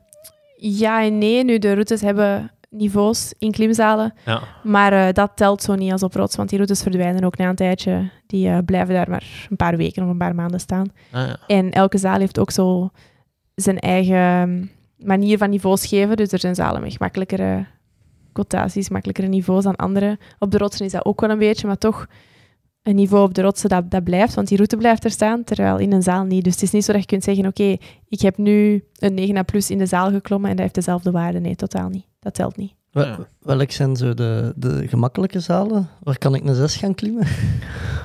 Wel, ik kan zeggen, de zaal waar ik train meestal, dat is eh, in Puurs, of in Breendonk eigenlijk, daar, dat daar de niveaus wel hoog zijn. Wat op zich geen probleem is. Hè. Dan, eh, dan weet je dat, ben je erop ingesteld. En dat is tof als je daar meestal klimt en je gaat naar ergens anders, of je gaat op de rotsen klimmen, dan eh, klimt je ineens beter eigenlijk. Alleen dan kun je dingen van een hoger niveau klimmen. Dus eh, nee, dat is geen probleem. Maar ja, dat maakt wel dat, dat een niveau in de zaal heel relatief is. Ja, ah, ik weet... eh, als ik ga klimmen, ga, ga ik meestal in, aan de vaart in Leuven, in de nieuwe klimzaal. Mhm. Ehm, maar ik ben ook eens in de sportwazen in Leuven gaan klimmen. En ik vond dat ik daar opvallend gemakkelijker hetzelfde niveau klom als, als Ja. in een andere zaal. Dus Ja, dat gebeurt. Eh, ik- wat dat ik dan ook ineens wil vragen is, zijn er regels in, voor de, de spoorbouwers, of oh, zeg je dat zo? Routebouwers, de ja. routebouwers, eh, waaraan bepaalde niveaus moeten voldoen om als een, een bepaalde route gecategoriseerd te worden in de zaal? Of Nee. dat is hetzelfde Nee. als op de rotsen, dat is inschatten en dan iemand dat laten klimmen en laten bevestigen? Ja. Of, Ja, ja, of ze bepalen dat zelf. En de klimmers die dan komen zeggen soms wel eens, goh, dat is een makkelijke voor het niveau of een moeilijke voor het niveau. Maar Ja. ja, dan wordt door die routebouwer bepaald. Want ik, ik was aan het denken in de competitie, je moet maar zo'n routebouwer hebben dat zegt, ik kan hier eens eh, eh, een blokje eh, missen en niemand raakt boven. Eh, Ja, er, er gebeuren wel eens fouten. Ja, Dat- nu, die dat- testen dat- echt wel. Hè. Ah ja, Dus, oké, eh, dat wordt getest. Dat is niet ja, dat die ja. zomaar iets zetten en dan denken van, oh ja, dat is misschien niet mogelijk. Wel, er is altijd een risico in. Dat is eh, Ja. wel spannend ook voor hen. Maar, en er worden wel eens fouten gemaakt, dat is heel logisch. Dat, Ja. ja. ja, mensen zijn maar mensen natuurlijk, maar Ja. die klimmen daar echt wel zelf in, of die klimmen daar in stukken, of die proberen die bewegingen wat uit en zo. Dus het zou echt wel straf zijn als ze iets ergens vergeten te plaatsen. Ja, dus je moet een goede klimmer zijn voor een parcours te bouwen. Ja, Ja. ik dacht juist te vragen, zijn dat meestal dan ex-competitieklimmers dat, dat routes bouwen? Of moet je daar een Mm, cursus voor Niet volgen? altijd, maar ja, je moet daar een cursus voor volgen. En ehm, ja, je hebt er natuurlijk betere, je hebt er minder goede, dat is altijd zo. Maar ja, die hebben meestal echt wel wat ervaring, ook met competitie. Nu, eh, ja, dat, de, de sport is relatief nieuw ook, dus nu begint je te zien dat competitieklimmers die echt een hoog niveau hebben gehad, dat die zelf ook routebouw beginnen te doen. Maar eh, ja, het is, allee, de, de sport bestaat nog niet zo heel lang dat er al heel wat generaties gepasseerd zijn op die manier. Ja. Dus ja, niet elke routebouwer heeft echt heel veel competitie gedaan. Ik kan me ook inbeelden, moest ik nu routes bouwen, ik zou daar zo'n soort handelsmerk of zo proberen in te leggen. En dat je dan, Een stijl. ja, een stijl of zo, dat je dan parcoursbouwers hebt die je echt goed liggen naar je techniek. En dat je dan blij bent dat die op het WK de route maken. Of is dat, is, klopt dat niet, wat ik zeg? Ja, een beetje wel. Nu, die werken wel altijd in team, Ja, met toch zeker twee internationale routebouwers dan die ter plaatse moeten zijn. Dus het is ook niet zo dat, eh, ja, een wedstrijd in China bijvoorbeeld, dat er elke, enkel Chinese routebouwers zijn en dat die iets kunnen doen, speciaal voor Chinezen bijvoorbeeld. Dus er moeten echt wel buitenlanders bij zijn, maar ja, het klopt dat mensen zo wat hun eigen stijl hebben. En er ja, zal ook soms wel een beetje, ja, een beetje vals gespeeld worden. Eh, relatief legaal dan, wat heel jammer is, want je hoopt altijd dat het voor iedereen hetzelfde is. Maar ja, er kunnen wel dingen gebeuren inderdaad door Ja. routebouwers van een bepaald land of zo, of, of een bepaalde stijl, dat je weet dat aan klimmer ligt en zo. Dus eh je probeert er gewoon niet bij stil te staan, want anders ja, kun je geen wedstrijden meer doen als je er te veel aan denkt. Maar die dingen gebeuren wel, Ja. denk ik. En, en routebouwers, ja, die ehm, bouwen soms inderdaad wel dingen die zij goed kunnen. En die dan Ja, die- lastig zijn voor bepaalde klimmers. eh, Ja. ja. Maar Ja. ik, ik denk dat dat iets is dat in elke sport terugkomt. Want eh, we komen juist terug van, eh, van Portugal. En dat was dus ook iemand die vandaar was. En ja, die, die vloog werkelijk naar beneden, omdat hij het parcours natuurlijk kende. Dus Ah, ja. dan... eh, ja, ik denk dat dat er wel een, klei- een klein beetje moet kunnen bijhoren, natuurlijk. Ja, Ja. Liefst niet op een WK, natuurlijk. maar- Nee, nee. En het is ook zo dat je de route niet op voorhand mocht testen, want Ah, anders ja, zou voilà. het voor iedereen al veel meer hetzelfde zijn. Ja, Dan- dat is wel waar. Dat Ja. is wel waar. Ja. Ja. Dat maakt inderdaad wel een groot verschil. Wat zijn zo de, de klimmers die je inspireren of waar dat jij naar opkijkt? Eh, allee, is dat dan vooral de, de, de avonturiers die, die het rotsklimmen doen of, of eh, de ja, legendes in, in de klimwereld die uit competitieklimmen komen, waarvan dat je zegt eh, dat zijn grote voorbeelden? Ehm, ja, er zijn wel wat voorbeelden. Gewoon ja, mensen die dingen hebben gedaan voor u. Ehm, zoals de, de wedstrijdklimmers van vroeger dan, die nu geen wedstrijden meer doen. Maar dat is, die deden dat voordat ik begon. En dan denk je, oké, ik wil ook ooit zo worden. Dat wel. Nu, er zijn niet echt specifieke personen die, eh, die mijn echt grote voorbeeld zijn of mijn idool of zo. Nee, dat Of dat je zegt zo avonturen van eh, eh, Maar die projecten zou ik willen doen of... ja, op vlak van het, het rotsklimmen en dan zo het big wall klimmen. Dus de, Ja. de lengtes na elkaar. Wat op zich qua, ehm, qua klimmen zelf, qua niveau, niet hoger ligt of zo dan het andere soort klimmen. Maar dat is echt een, een ander soort discipline eigenlijk ook. Dus dat is iets dat ik ooit wel hoop te doen. En eh, inderdaad, dan denk je van, oh, dat is tof eh, wat dat die klimmers allemaal doen en zo. En dat ziet er echt wel heel uitdagend en hard uit en zo. Dus eh, dat wil ik proberen. En dat Ja. is dat je echt op de rots ook slaapt. Onder dat, is- andere. Dat is dat. ja. Dat hoeft niet per se, want er zijn ook van die hele lange wanden met verschillende lengtes die je naar elkaar klimt, die je in één dag kunt klimmen eigenlijk. Dus dat je Ah, niet, ja. moet, niet moet overnachten. Maar er zijn er een aantal, zoals de bekende, ondertussen de bekende El Cap. Ja, El Capitan? Yosemite. El Capitan, ja. El Capitan. Daar, eh, daar kun je bijna niet anders, omdat dat gewoon zo lang is. Maar ho- hoeveel routes zijn daarop op El Capitan? Want ik herinner me, allee, de meeste wel, Thomas die dat El Capitan ging beklimmen. En Mark Hermans, hè. Mark maar Hermans, Mark eh, Hermans heb ik nooit gezien. Ik Ja, ben dat is een, de film van dat Mark Hermans El Capitan gaat beklimmen. onvindbaar op het internet. Ah, echt? Mark, als je luistert. Ja, Mark, en ook, ja, het, het, het eindigt een beetje in mineur, want zijn begeleiders kappen al het water weg, omdat Mark anders er niet mee wou stoppen. Dus. Nee, maar eh, wat ik dus eh wou zeggen is, Thomas die heeft er, als ik me niet vergis, vier dagen of zo over geklommen, samen met zijn begeleiding. En eh, Alex Honnold, die dan eh, El Capitan free solo't, die deed er vier uur over. Ja, nu dat is ook een andere route, natuurlijk, die die gedaan hebben. Eh, ja, ik, eh, ik weet er het fijne natuurlijk niet van. Hè. Ik eh, ken de details niet, maar ja, je hebt ook een route klimmen, dus boven geraken gewoon, en ze effectief vrij geklommen hebben. Wat betekent dat je niet in je touw gehangen hebt, niet aan je materiaal trekt en zo. Dus het klimmen dat ik doe is altijd zo. Maar bij die big walls gebeurt dat wel soms. Dus eh, bijvoorbeeld Tom Waas, die heeft sowieso niet al die routes geklommen. Dat gaat gewoon niet als je zelf niet echt een klimmer bent. Ja, ja. Dus die zal boven geraakt zijn aan die rots, maar die heeft niet al die bewegingen gedaan en die heeft dat materiaal ook gebruikt om aan te trekken en zo. En die touw die er dan voor hem gehangen werden, heeft hij gebruikt om boven te geraken en zo. Dus dat is een totaal ander concept eigenlijk. Ja. En ja, Alex Honnold natuurlijk, die heeft dat gedaan zonder beveiliging. Wat iets totaal anders is ook dan, het, eh, dan hoe dat het normaal gezien gebeurt. Waarbij dat je altijd beveiligd bent en als je valt, dat eh, dat gewoon veilig is. Terwijl, dus ja, en dan mis je natuurlijk ja, ook het... Of, ja, heb je niet he- het hele gegeven van u te moeten beveiligen, waar dat heel veel tijd in kruipt. Ja. En eh, alles naar boven sleuren en zo, dus dat het Alex niet en daardoor dat hij ook zo snel Ja. gaat.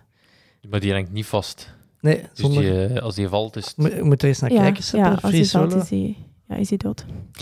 Ja. Amai. En is, mag dat? Is dat legaal? Ik kan me inbeelden dat, dat, niet, dat ze dat niet graag hebben, dat, je, dat iedereen dat gaat doen. Daar. Nee, hè. nee, ik hoop dat niemand dat gaat doen. Ja, ja, Ja. ja. Nee, dat, ik weet niet hoe dat, dat zit. Ik veronderstel dat dat wel legaal is, want anders zouden ze daar zo'n film niet van maken. Maar Ja. eh, ja, dat... eh, En hoe, hoe pakt je dat aan als je nu zegt van ik, ik wil ehm, eh, bijvoorbeeld, dat was in, in Spanje, die Joe Mama. hoe, hoe, je gaat, je moet je dat dan aanvragen van ik ga daar klimmen of je gaat gewoon naar daar en je begint. Ja, je gaat gewoon naar daar. Dat zijn... Moet je geen vergunning hebben bij de klimmen, allee, bij een of andere federatie? Nee, eigenlijk niet. Ah, nee. oké. Nu, je moet wel je moet het kunnen. Je moet eh, veilig kunnen klimmen. En in die gebieden daar, hè, Frankrijk, Spanje en zo, mocht je gewoon gaan klimmen. Eh, ik zou het je niet aanraden als je niet eerst weet hoe dat, eh, hoe dat de technieken zijn en zo, om, om veilig te klimmen en om andere mensen zo te beveiligen.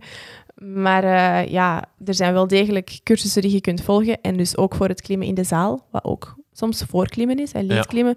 En zelfs voor het toprope klimmen. Eh, ja, dan moet je wel weten hoe dat, dat moet. En dan moet je cursussen volgen. En daar mocht je niet zomaar klimmen in klimzalen. Ja. Maar op de rotsen is dat nog net iets anders. Hoe lang, du- hoe lang duurt een cursus, hoe lang duurt het er ik aan die rots kan veilig kan komen? Hoe lang gaat mijn cursus duren of hoe, hoeveel tijd moet ik inrekenen? Eh, qua tijd om het aangeleerd te krijgen, echt niet veel. Verspreid over een aantal dagen, over een paar weken. Dat Ja. zou niet zo lang duren, maar je moet wel oefenen. Ja, ja. Dus eh, een beetje zoals met autorijden of zo. Ja, Ja. Je kunt het allemaal aangeleerd krijgen, maar dan komt het moment dat je ja het je eigen moet maken. Echt, maar dat gaat dat vooral over, tijd over, over veiligheid. Hè? Knopen leggen, Ja. materiaal gebruiken. Ja. Ja, en de andere mensen beveiligen. Dus als je op de grond staat, dat jij ervoor zorgt en dat je de verantwoordelijkheid hebt ook, eh, zodat de klimmen niet op de grond valt. Ja, dat is, eh, dat is een hele kunst eigenlijk om dat veilig te doen. Ja, ja. N- Nog iets over uw onderneming in Spanje. Wat ik had gelezen of gezien in de video, ik weet het al niet meer. ehm, was dat je zei dat wat dat het speciaal maakte, dat je het eigenlijk in de drie weken dat je daar waart, dat je hem verkend en beklommen hebt, terwijl dat vaak eh, klimmers, als die zo'n project uitkiezen, die gaan naar daar, die verkennen en dan gaan die terug naar huis voor specifiek te trainen op die, eh, op die ja, route of lengte wat maakt al die routes zo verschillend? Of allee, is dat dan. Visualiseert je dat dan thuis de hele tijd? Of is dat. eh, Wel, allee, tot nu toe heb ik dat nog nooit echt moeten doen. En eh, ja, dat is wel speciaal op zich, maar Ja. het is altijd gelukt in relatief korte tijd. Eh, en ik hoop eigenlijk ja, ook binnenkort een project te vinden dat zo zwaar is dat dat eigenlijk niet gaat. Dat ik echt moet eh, Terugkomen. terugkomen, daar specifiek op moet trainen, om dan terug te gaan en dat te proberen klimmen. En, dat Dus- specifiek, en dat specifiek trainen, is dat dan de, de, de rots namaken? Of- Ja, dat zou ideaal zijn. Hè. Dat wordt gedaan ook. Maar Ah, ja. eh, ja, dat moet haalbaar zijn natuurlijk ook. vorig jaar ben ik naar zo een of ander outdoor filmfestival geweest. En daar was ook een film over iemand die eh, ergens ja, een, rots ging doen. Maar dat, allee, dat was zo meer in een grot met een overhang. Mhm.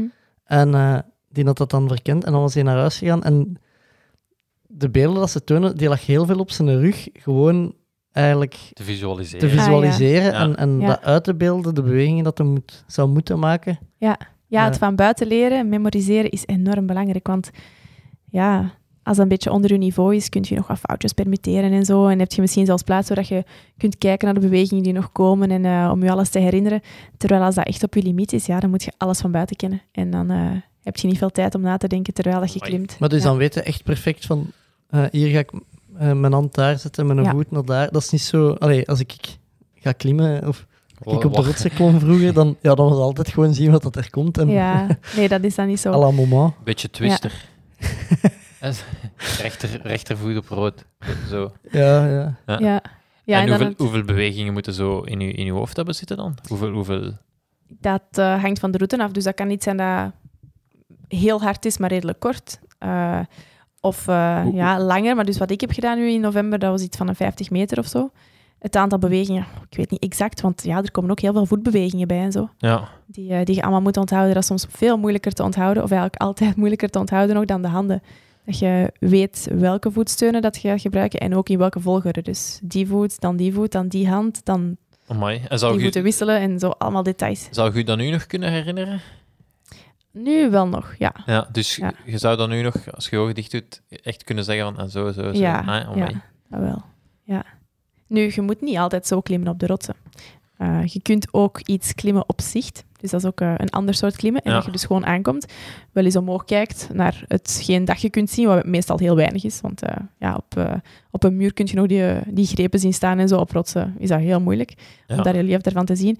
En dan begint je gewoon en heb je niks informatie nog over de bewegingen. Van, je hebt niemand daarin zien klimmen, je weet er echt totaal niks van en je vertrekt. En als het dan lukt, is dat ook een hele prestatie. Ja, dus dat is gewoon een ander soort klimmen. Oh, mooi. Ik, ik was aan het denken, ehm, als ik goed zou kunnen klimmen, je ziet zoveel eh, mannen in, in video's die zo in super desolate gebieden, alleen zo in, in Pakistan en zo, in het Hooggebergte, gaan klimmen. Zegt u dat iets om, om dat in de toekomst misschien te gaan doen? Ja, zo expedities op zich wel, ja. Het hooggebergte zelf zo niet. Dat is echt iets, eh, iets anders. Het eh, Eh, Ik bedoel, met Hooggebergte... Ja, bedoel ik niet... eh ge- allee, geen Mount Everest opwandelen of zo, voilà. maar dat is iets heel anders. Maar zo de expedities en zo onbeklommen wanden doen en zo, ja, dat is wel... Dat, dat spreekt mij wel aan, ja. En staat er zoiets op uw programma? Of, of heb je al wilde plannen? Heb je een to-do-list? Of, eh, Nee, niet echt. Nee, nee op vlak van eh zo sportklimlengte zie ik, eh, die ik wil doen wel een beetje. Ja. Daar zijn wel verschillende zaken die ik zou willen proberen. En die haalbaar lijken en zo. Maar op vlak van zo meer big walls, expeditieachtige dingen helemaal niet. Dat is iets dat misschien later komt, maar dat ook heel moeilijk te combineren is met wedstrijden. Dus het rotsklimmen dat ik nu doe, is al, is al heel lastig gewoon. Ja. Eh, het ligt best ver uiteen, het competitieklimmen en het rotsklimmen. Qua stijl en zo, en, eh, en soort klimmen en training zelfs. Dus, eh, dus nee, dat is iets dat later zou moeten komen. En dat bij de meeste mensen, als die dat gaan doen, dat ook komt na hun competitiecarrière. oh ja. Eh, nog even over, over training. Hoe zien uw trainingen eruit? Of zo op een week? Uw trainingsschema doorgaans? Hoe... Eh, dat is voor een groot stuk veel klimmen en hard klimmen en op verschillende manieren eh, routes doen eh, en het zwaarder maken ook en zo. Eh, en zo mijn limieten opzoeken op die manier. Dus heel veel klimmen op zich, want dat is uiteindelijk wat ik moet doen. En daarnaast doe ik dan ook wel krachttraining, maar ook nog steeds gelinkt aan klimmen. Dus hangen op, op heel slechte grepen en, en optrekken en zo en buikspieroefeningen bijvoorbeeld. En dan daarnaast nog wel kine-oefeningen. Dus dingen die ook belangrijk zijn, eh antagonistentraining en zo. En dan wat cardio, stretchen. Dus eh, dat komt er ook wel bij. Maar het grootste deel blijft wel nog het klimmen op zich. En in hoeveel dagen in de week is dat dan dat je in de, in de zaal zit, vermoed ik dan? Of, eh, Dat is vier, vijf dagen zoiets. ja, Eh, en training ja, is iets van een zes uur dat ik daar ter plaatse ben. oh, mooi. ongeveer. Ja, met opwarming erbij. Dus ja, dat zijn lange dagen. Ook omdat ik niet echt vlakbij woon bij een klimzaal. Dus ja, ik heb lange klimdagen en dan heb ik ook wel rust nodig daarvan, waardoor ik het niet echt elke dag kan doen. Of eh, Ja. Ja, dat snap ik. Ja. niet elke dag een korte sessie doen, maar eerder lange sessies verspreid over dagen. En dan op rustdagen, dat zijn relatief rustdagen, want dan komen die kine-oefeningen en zo erbij. Maar dan eh, niet het echte klimmen. Ja. Ik, ik heb nog een vraag over de klimetiketten. Ehm Seppe en ik, wij wonen Paul tussen ons. Wij wonen op, denk ik, 600 meter van elkaar. En Paul tussen ons is een, een boulderzaal. Oké. Ehm, en als ik daar langs wandel met een hond, dat is eh, zo heel veel glaspartijen aan de Ja. buitenkant, zien wij heel vaak eh, mannen zonder t-shirt klimmen. Die, hebben, die hebben weinig kleren aan, Ja. zullen we maar zeggen. Ehm, in, in onze, een van de eerste afleveringen met Pieter Jan Anders vroegen we hem ook in wat dat in de atletiekwereld de klimetiketten zijn, eh, de, de loopetiketten op de piste, omdat die ja. hebt vaak eh, van die mannen op de piste ook zonder t-shirt trainen, dus wat dat mag en wat dat niet mag. Ja. Hoe zit dat in, eh, in het klimmen? Vanaf wanneer wordt daar zonder t-shirt geklommen? Stoort dat die een t-shirt voor te klimmen? Of... Wel, ik weet het niet, want ik ben geen man, maar blijkbaar is dat aangenamer om te klimmen als het wat warm wordt en zo. Op de rotsen ziet je dat ook. Eh, ja, blijkbaar voelen ze zich dan beter, vrijer of zo eh, in hun bewegingen. Ik weet Ja. niet, maar dat is ja, toch niet haalbaar voor vrouwen. Dus Sowieso stoerder, weet ik hè? niet. Nee? ook waarschijnlijk. Ja. Ja. Dus, eh, dus dat wordt veel gedaan inderdaad, vanaf wat het een beetje warmer is. Maar op wedstrijden mag dat zeker niet. Ah ja. Dan moet je een eh, teamtop hebben, dus een t-shirt van je land met een rugnummer erop en zo. Dus eh, dat is verboden. En ja, dat hangt ook een beetje van het land af. Want eh, ik was eens in China voor wedstrijden en dus ook eh, voor trainingen daartussen. Dat was in Shanghai en eh, dat was daar duidelijk dat dat niet mocht. Dus daar liep een Zweedse klimmer rond zo, zonder t-shirt. En dat was van, eh, sorry, maar eh, dat wordt hier echt niet gedaan. Dat, Ja. Het is Dat appreciëren er we zo dan niet. bij had. ja, ja. Gebied Maar bespaard. als je dat thuis nooit aan nu, ja, dan zou je dat ook niet meepakken. Hè? Ja, ja. Maar ja, als je van Zweden komt... Ja. Ja, dat Ja, is- ja. Pieter Jan zei dat eh, in Duitsland, Duitsland mocht het niet op de piste zonder t-shirt. Daar werden weggestuurd als je, Ja. zit, eh, zo, ja, zonder t-shirt op de piste liep. Ja. Ja. Ehm, Seppe, zijn er nog dingen dat, dat jij wilt vragen? Eh, ja, iets allee, opmerkelijk kan ik het niet noemen dat ik tegenkwam, maar ehm, eh, over God Ja. ging, het, ging het op, uw, op uw website heel hard. Ehm, we hebben nu, ik denk, een stuk of dertig afleveringen opgenomen en zo. We hebben het daar nog nooit over gehad met, met iemand. Ehm kun je dat eens, eens kort toelichten? Of, of, eh, Ja, dat is eh, ook een heel goede vraag, want dat eh, is belangrijker voor mij dan, dan mijn klimmen. Want ik weet dat klimmen heel tijdelijk is op zich. Mhm. ik merk zelfs nu al dat, dat ik heel goed in vorm kan zijn en dan als ik iets te weinig slaap of zo, of, of als ik wat ziek ben, dat er iets gebeurt, dat, dat mijn niveau ineens ja, veel minder is en zo. Dus je merkt dat dat allemaal heel, eh, heel relatief is, uw, uw sterkte en uw kracht als atleet en zo.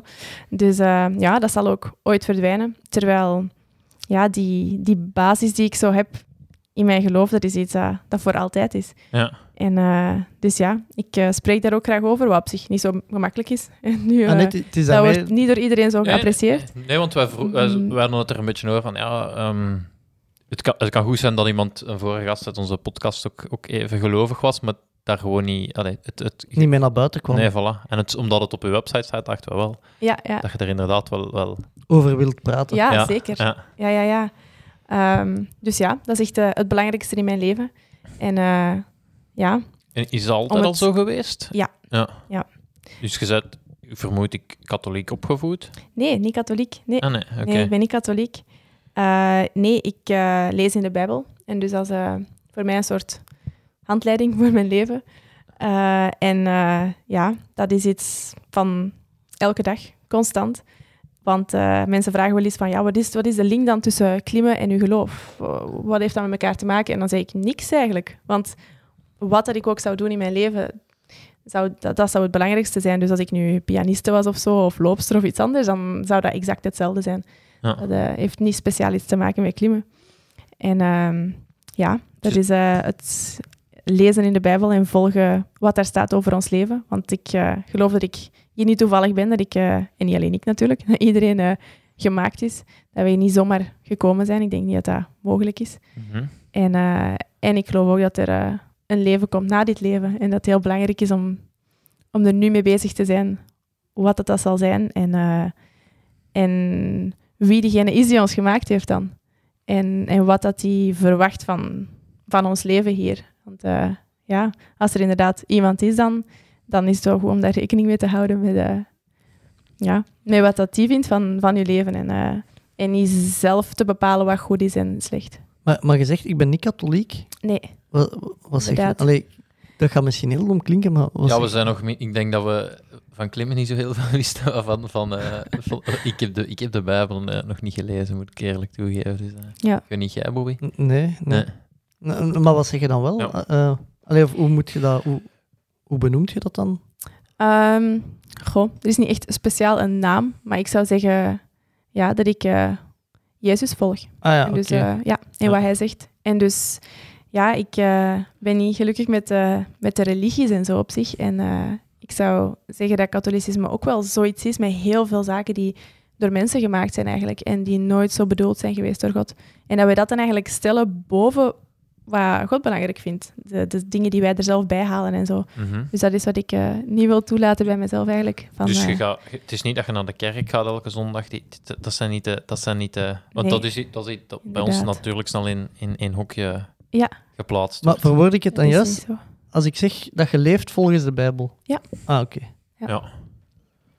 Ja, mooi. En, en hoe, hoe, doordat je er zo open over, over praat, eh, hoe reageer ze daar bijvoorbeeld in de klimwereld op? En is dat, is dat iets wa- ja, wa- wat iedereen daar weet? En, en, Ja, ja, Ja. iedereen weet dat denk ik wel. Ja. Meer dan dat ik eh mij realiseer. Want inderdaad, soms komt dat zoiets naar buiten dat ik denk van... Of dat ik me daar re- realiseer echt van, ah ja, ja, dat is eigenlijk wel... Allee, dat is wat ik wil, natuurlijk. Hè. Ja. Maar dat ik denk van, ah ja, inderdaad, eh, mensen weten dat wel, maar spreken er daarom niet per se over. Want eh, ja, Vlamingen over het algemeen ook zijn redelijk mm, gesloten. En zeker op dat vlak wordt niet zo snel open over gepraat. Nee, dus klopt, eh, ja. dus ja, Ja. mensen beginnen er zelf niet zo snel over, wat ik eigenlijk wel zou willen. Want waarom niet? Waarom niet gewoon erover praten? Maar toch, het is een beetje moeilijk. Ja, het is natuurlijk... Ja. eh, want we moeten toegeven, wij hadden ook wel zoiets van... Oei, ja, ja, daar zijn we niet direct in thuis. Maar Nee. ehm, het is omdat we, dat we er niet in thuis zijn, dat we direct zoiets hebben van... Ja, dan kunnen we niet over babbelen. Eh, Ja. Maar dat is, dat is niet nodig. Of, of hoe gaat het bijvoorbeeld om eh, met andere geloven of met andere... Is dat iets waar je dan ook respect voor hebt? Of, of, of, of Wel, het is eh, aan ieder om zelf te kiezen wat dat hij ja, wil doen in zijn leven natuurlijk. Maar wat ik wel graag doe, is, ja, is mensen gewoon vertellen over wat ik ontdek en zo. Wat dat altijd eh, nieuwe dingen zijn. En eh, ja, wat dat enorm boeiend is, echt. Om eh, ook dingen in de Bijbel te ontdekken en zo. En ehm, om mensen aan te moedigen om op zoek te gaan naar wat echt de waarheid is. Want over bepaalde zaken is er maar één waarheid. Want dat is ook iets wat je meer en meer hoort. Van, ja, je, je hebt, iedereen heeft zo'n beetje zijn eigen waarheid en zo. En je bepaalt zelf wat dat goed is of niet. En, en, en ik denk niet dat dat klopt. Want ja, er zijn dingen die, die nu eenmaal zo zijn of niet zo zijn. Bijvoorbeeld het, eh, het feit of dat God bestaat of niet. Daar, daar, heeft, daar zijn maar twee opties voor. Ofwel is Ja, het er, of ofwel nee. niet. Ja. En je kunt niet zeggen, ja, dat is mijn geloof, dus voor mij bestaat die en voor iemand anders niet. Dat kan gewoon niet. nee. Dus, ehm, dus ja, om echt op zoek te gaan naar, naar wat waar is, dat is ja, wat ik mensen Ja. wil vertellen. En dus eh, ja, dat er, ehm, ja, dat er echt een God is eigenlijk, dat is wat ik geloof, die ons gemaakt heeft en die, die, eh, die bepaalt wat er, ehm, wat er goed is en wat niet. En dat is niet de maatschappij die dat bepaalt en dat zijn wij zelf ook niet. Ja. En dat het consequenties heeft eigenlijk als je, als je je daarvan afkeert. En als je ja, niet op zoek gaat eigenlijk naar, naar wie hij is en naar wat hij bedoeld heeft met het leven. En eh, dat hoeft niet per se nu consequenties te hebben, maar wel voor eh, wat er daarna komt. En uiteindelijk ja, zal dat voor iedereen zo zijn, want ons leven is maar heel beperkt hier. Mhm. Daar hoort je elke dag van op nieuws en zo, dat eh, ja, mensen kunnen nu eenmaal op elk moment sterven. Dat, is- dat kan redelijk beangstigend zijn, als Ja. je er zo over nadenkt. Zeker als je dan voor God zult komen te staan, voor diegene die je gemaakt heeft. Ja. En eh, ja, Maar ik, Daar, eh, ik kan me inbeelden dat voor sommige mensen het eeuwige leven ook wel redelijk angstaanjagend klinkt. mhm, ja, klopt. Dat is ja. eh, ook niet iets waar ik... Ik zou daar bijvoorbeeld dan niet blindelings vertellen. Ik zou er wel eens over na moeten denken. Is, is het dan nadenken waar je zegt van... Dat iets moet gebeuren? Of? Ja, Ja, ja, ja, inderdaad. oké. Ehm, hoe, hoe helpt dat je in je sport? Is, is dat iets... iets ehm, bijvoorbeeld, ja, ik, ik kan me inbeelden dat... We hebben heel veel sportscoaches en, en, en dingen die motiverend zijn, dat je even goed daar passages uit de Bijbel kunt uithalen en dat terugkoppelen naar je sport. Of Ehm, is het dan zo dat je zegt van mijn blessure nu aan mijn arm, Mhm. dat is het plan van God en dat je daar op die manier makkelijk mee om kunt gaan? Is dat juist wat ik zeg? Of? Gewoon makkelijk zeker niet. Nee. Nee. dus het, is, eh, het zou heel vals zijn als ik voordeel zou halen uit mijn geloof ten opzichte van andere klimmers. Echt voordeel van dat ik bijvoorbeeld minder gestresseerd ben of zo, of dat ik, weet ik veel, informatie krijg of zo. Dat is absoluut niet het geval. Ik, ben, ik heb evenveel zenuwen. Ik, Ja, ik heb het zeker even moeilijk als anderen op vlak van het klimmen zelf en zo. Ik moet even naar trainen. Hè. ja, Zo, zo werkt het zeker niet.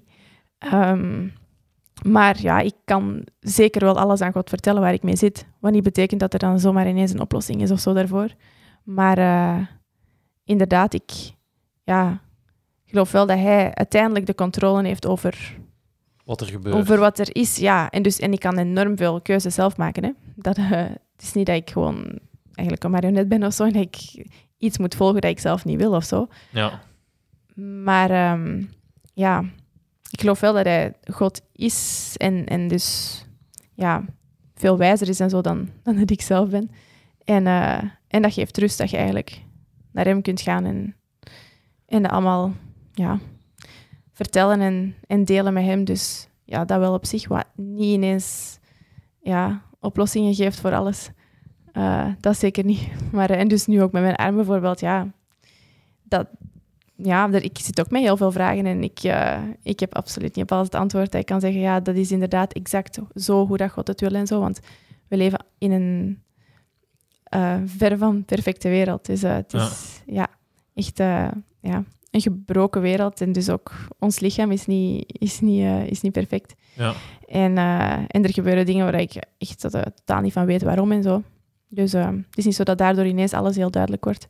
Ook niet over wat er in mijn leven gebeurt en waarom dat bepaalde wedstrijden zo lopen of waarom dat er eh, dingen gebeuren met mijn lichaam die ik niet begrijp. Ja.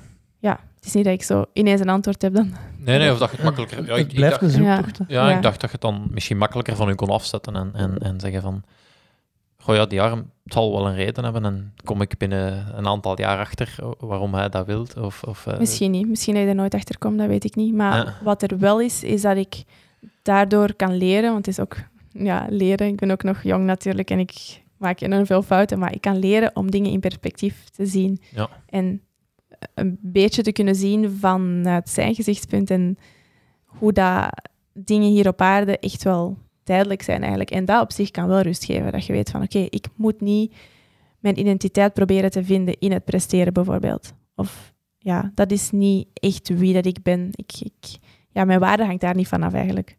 ah ja. Van, eh, van wie dat ik ben als klimster of van wat dan ook dat ik doe in mijn leven. Dus dat wel. Maar, ja, Dat is wel speciaal als sporter, want ja, al- alles wat ik doe qua sport, is dat een beetje wel. Is dat, is dat wel, is dat, ja, heb ik wel het gevoel van, oké, dat is... mhm. Je bent maar zo goed als uw laatste wedstrijd is. En, is Ja. Je zegt dat uit de koers komt natuurlijk. En, eh, Ja. ja. dat, ja, en dat neemt niet weg dat klimmen heel belangrijk is in mijn leven. Hè. dat Anders, is waar, anders eh, zou ik het ook niet zo kunnen doen als ik het nu doe. Ja. En, ehm, en voor een stuk bepaalt dat natuurlijk wel wie dat je bent. Ah ja, anders zou ik hier ook niet zitten en zou ik niet zo vertellen over mijn leven als klimster. Maar mijn uiteindelijke identiteit echt, ja, dat is, eh, ja, dat is in, Ja. in hoe dat God mij ziet uiteindelijk. En dat is belangrijker dan hoe dat mensen mij zien. Het is, het is duidelijk dat je er even gepassioneerd over kunt vertellen als, als over het. Allee, Ja, ja, ja. ja. Ja. Heb, je, heb je een favoriete Bijbelpassage? Goh, niet Of- of- echt één iets speciaal. Er staat zoveel in dat het veel meer is dan dat je ooit kunt, kunt vatten in een mensenleven gewoon. ja. Dus eh, één iets... eh, nee, eigenlijk niet echt iets speciaal. Nu, het meest ja, wonderlijke dat er ooit gebeurd is, is dat die God waar ik nu zo over spreek, dat die naar ons is gekomen. En zelf mens is geworden. Dus, en dat was dan Jezus die gekomen is. En dat op zich is, kun je zelfs bijna niet vatten. Dus als een vader die zijn zoon stuurde om af te zien en om te sterven. Dat is, ja... Ook als ik dan afzie en in mijn sport, dan weet ik van oké, dat zal nooit hetzelfde zijn als wat hij heeft meegemaakt. Van eh, niks fout gedaan te hebben, nooit gezondigd hebben, hè, dat dan noemen van nooit iets gedaan te hebben dat God niet, God niet goed vindt.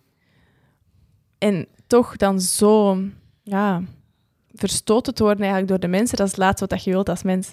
Dat je, ja, dat de ja, dat mensen nu belachelijk maken en zo. En, en dan uiteindelijk zelfs doden, maar echt op een schandelijke manier. Dat is wat dat, je- dat, dat niemand wil. Je wilt aanvaard worden uiteindelijk. Dat is wat je naar verlangt als mens, dat je aanvaard wordt door, door de mensen rondom je.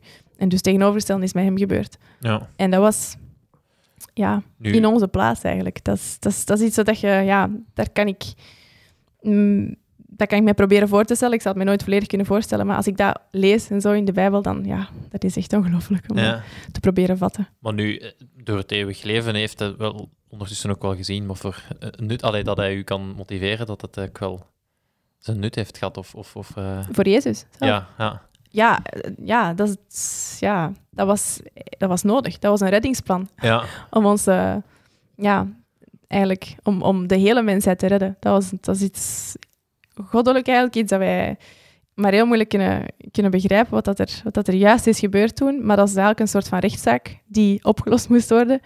En wij waren de schuldigen eh, als mensen. Dat ja, kan ik ook niet ontkennen voor mezelf. Dat is echt gewoon zo. Je, je kunt nooit doen ehm, wat God eigenlijk van u verlangt. Dat is gewoon, ja, je bent echt te zwak. Je, je kunt dat wel willen en telkens opnieuw faalt je daarin. Dat gaat gewoon niet.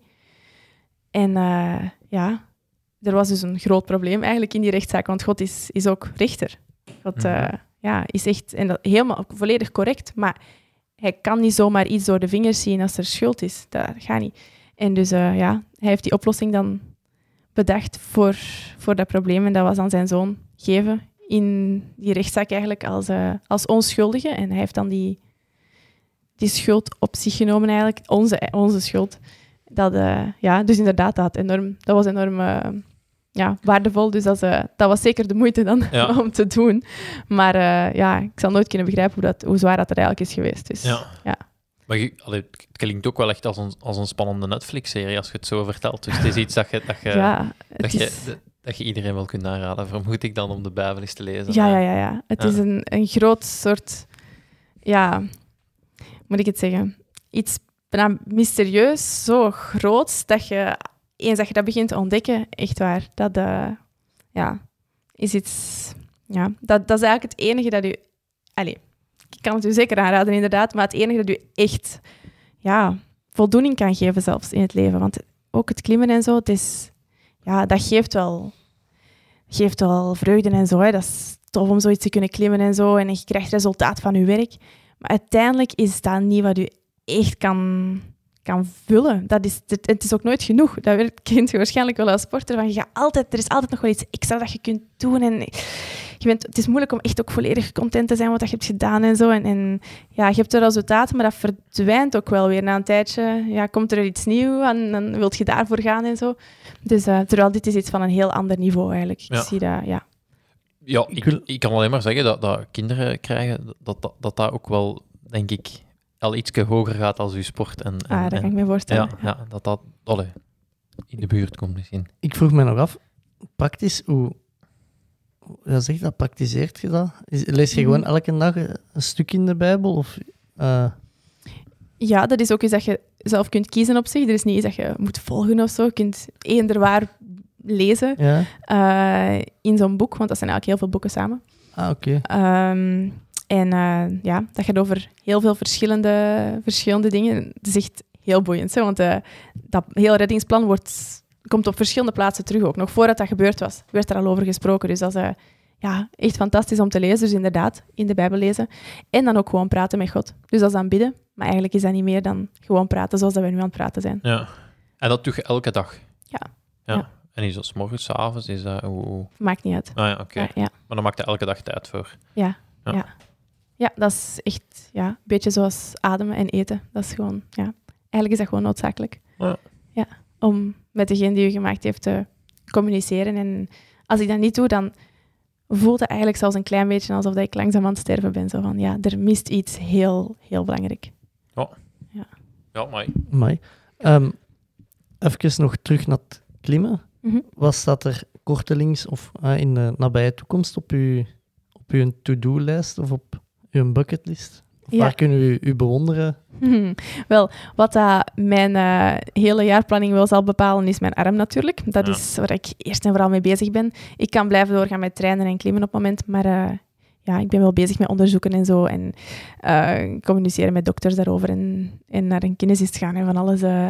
Dus dat is het eerste grote project natuurlijk, daarvan afgeraken. Ja. Maar dan los daarvan heb ik wel eh, plannen voor het jaar, zowel op rots als eh, voor de wedstrijden. Dus op eh, hoop ik een drietal keer te kunnen gaan naar Spanje en iets te vinden dat echt eh, op mijn limiet is om ja, mijn grens nog wat verder te verleggen. En dus eh, iets waar ik dan op kan werken en eh, ja, echt misschien zelfs specifiek op kan trainen en dat dan kan klimmen eventueel, allee, uiteindelijk dan op het einde van het jaar hopelijk.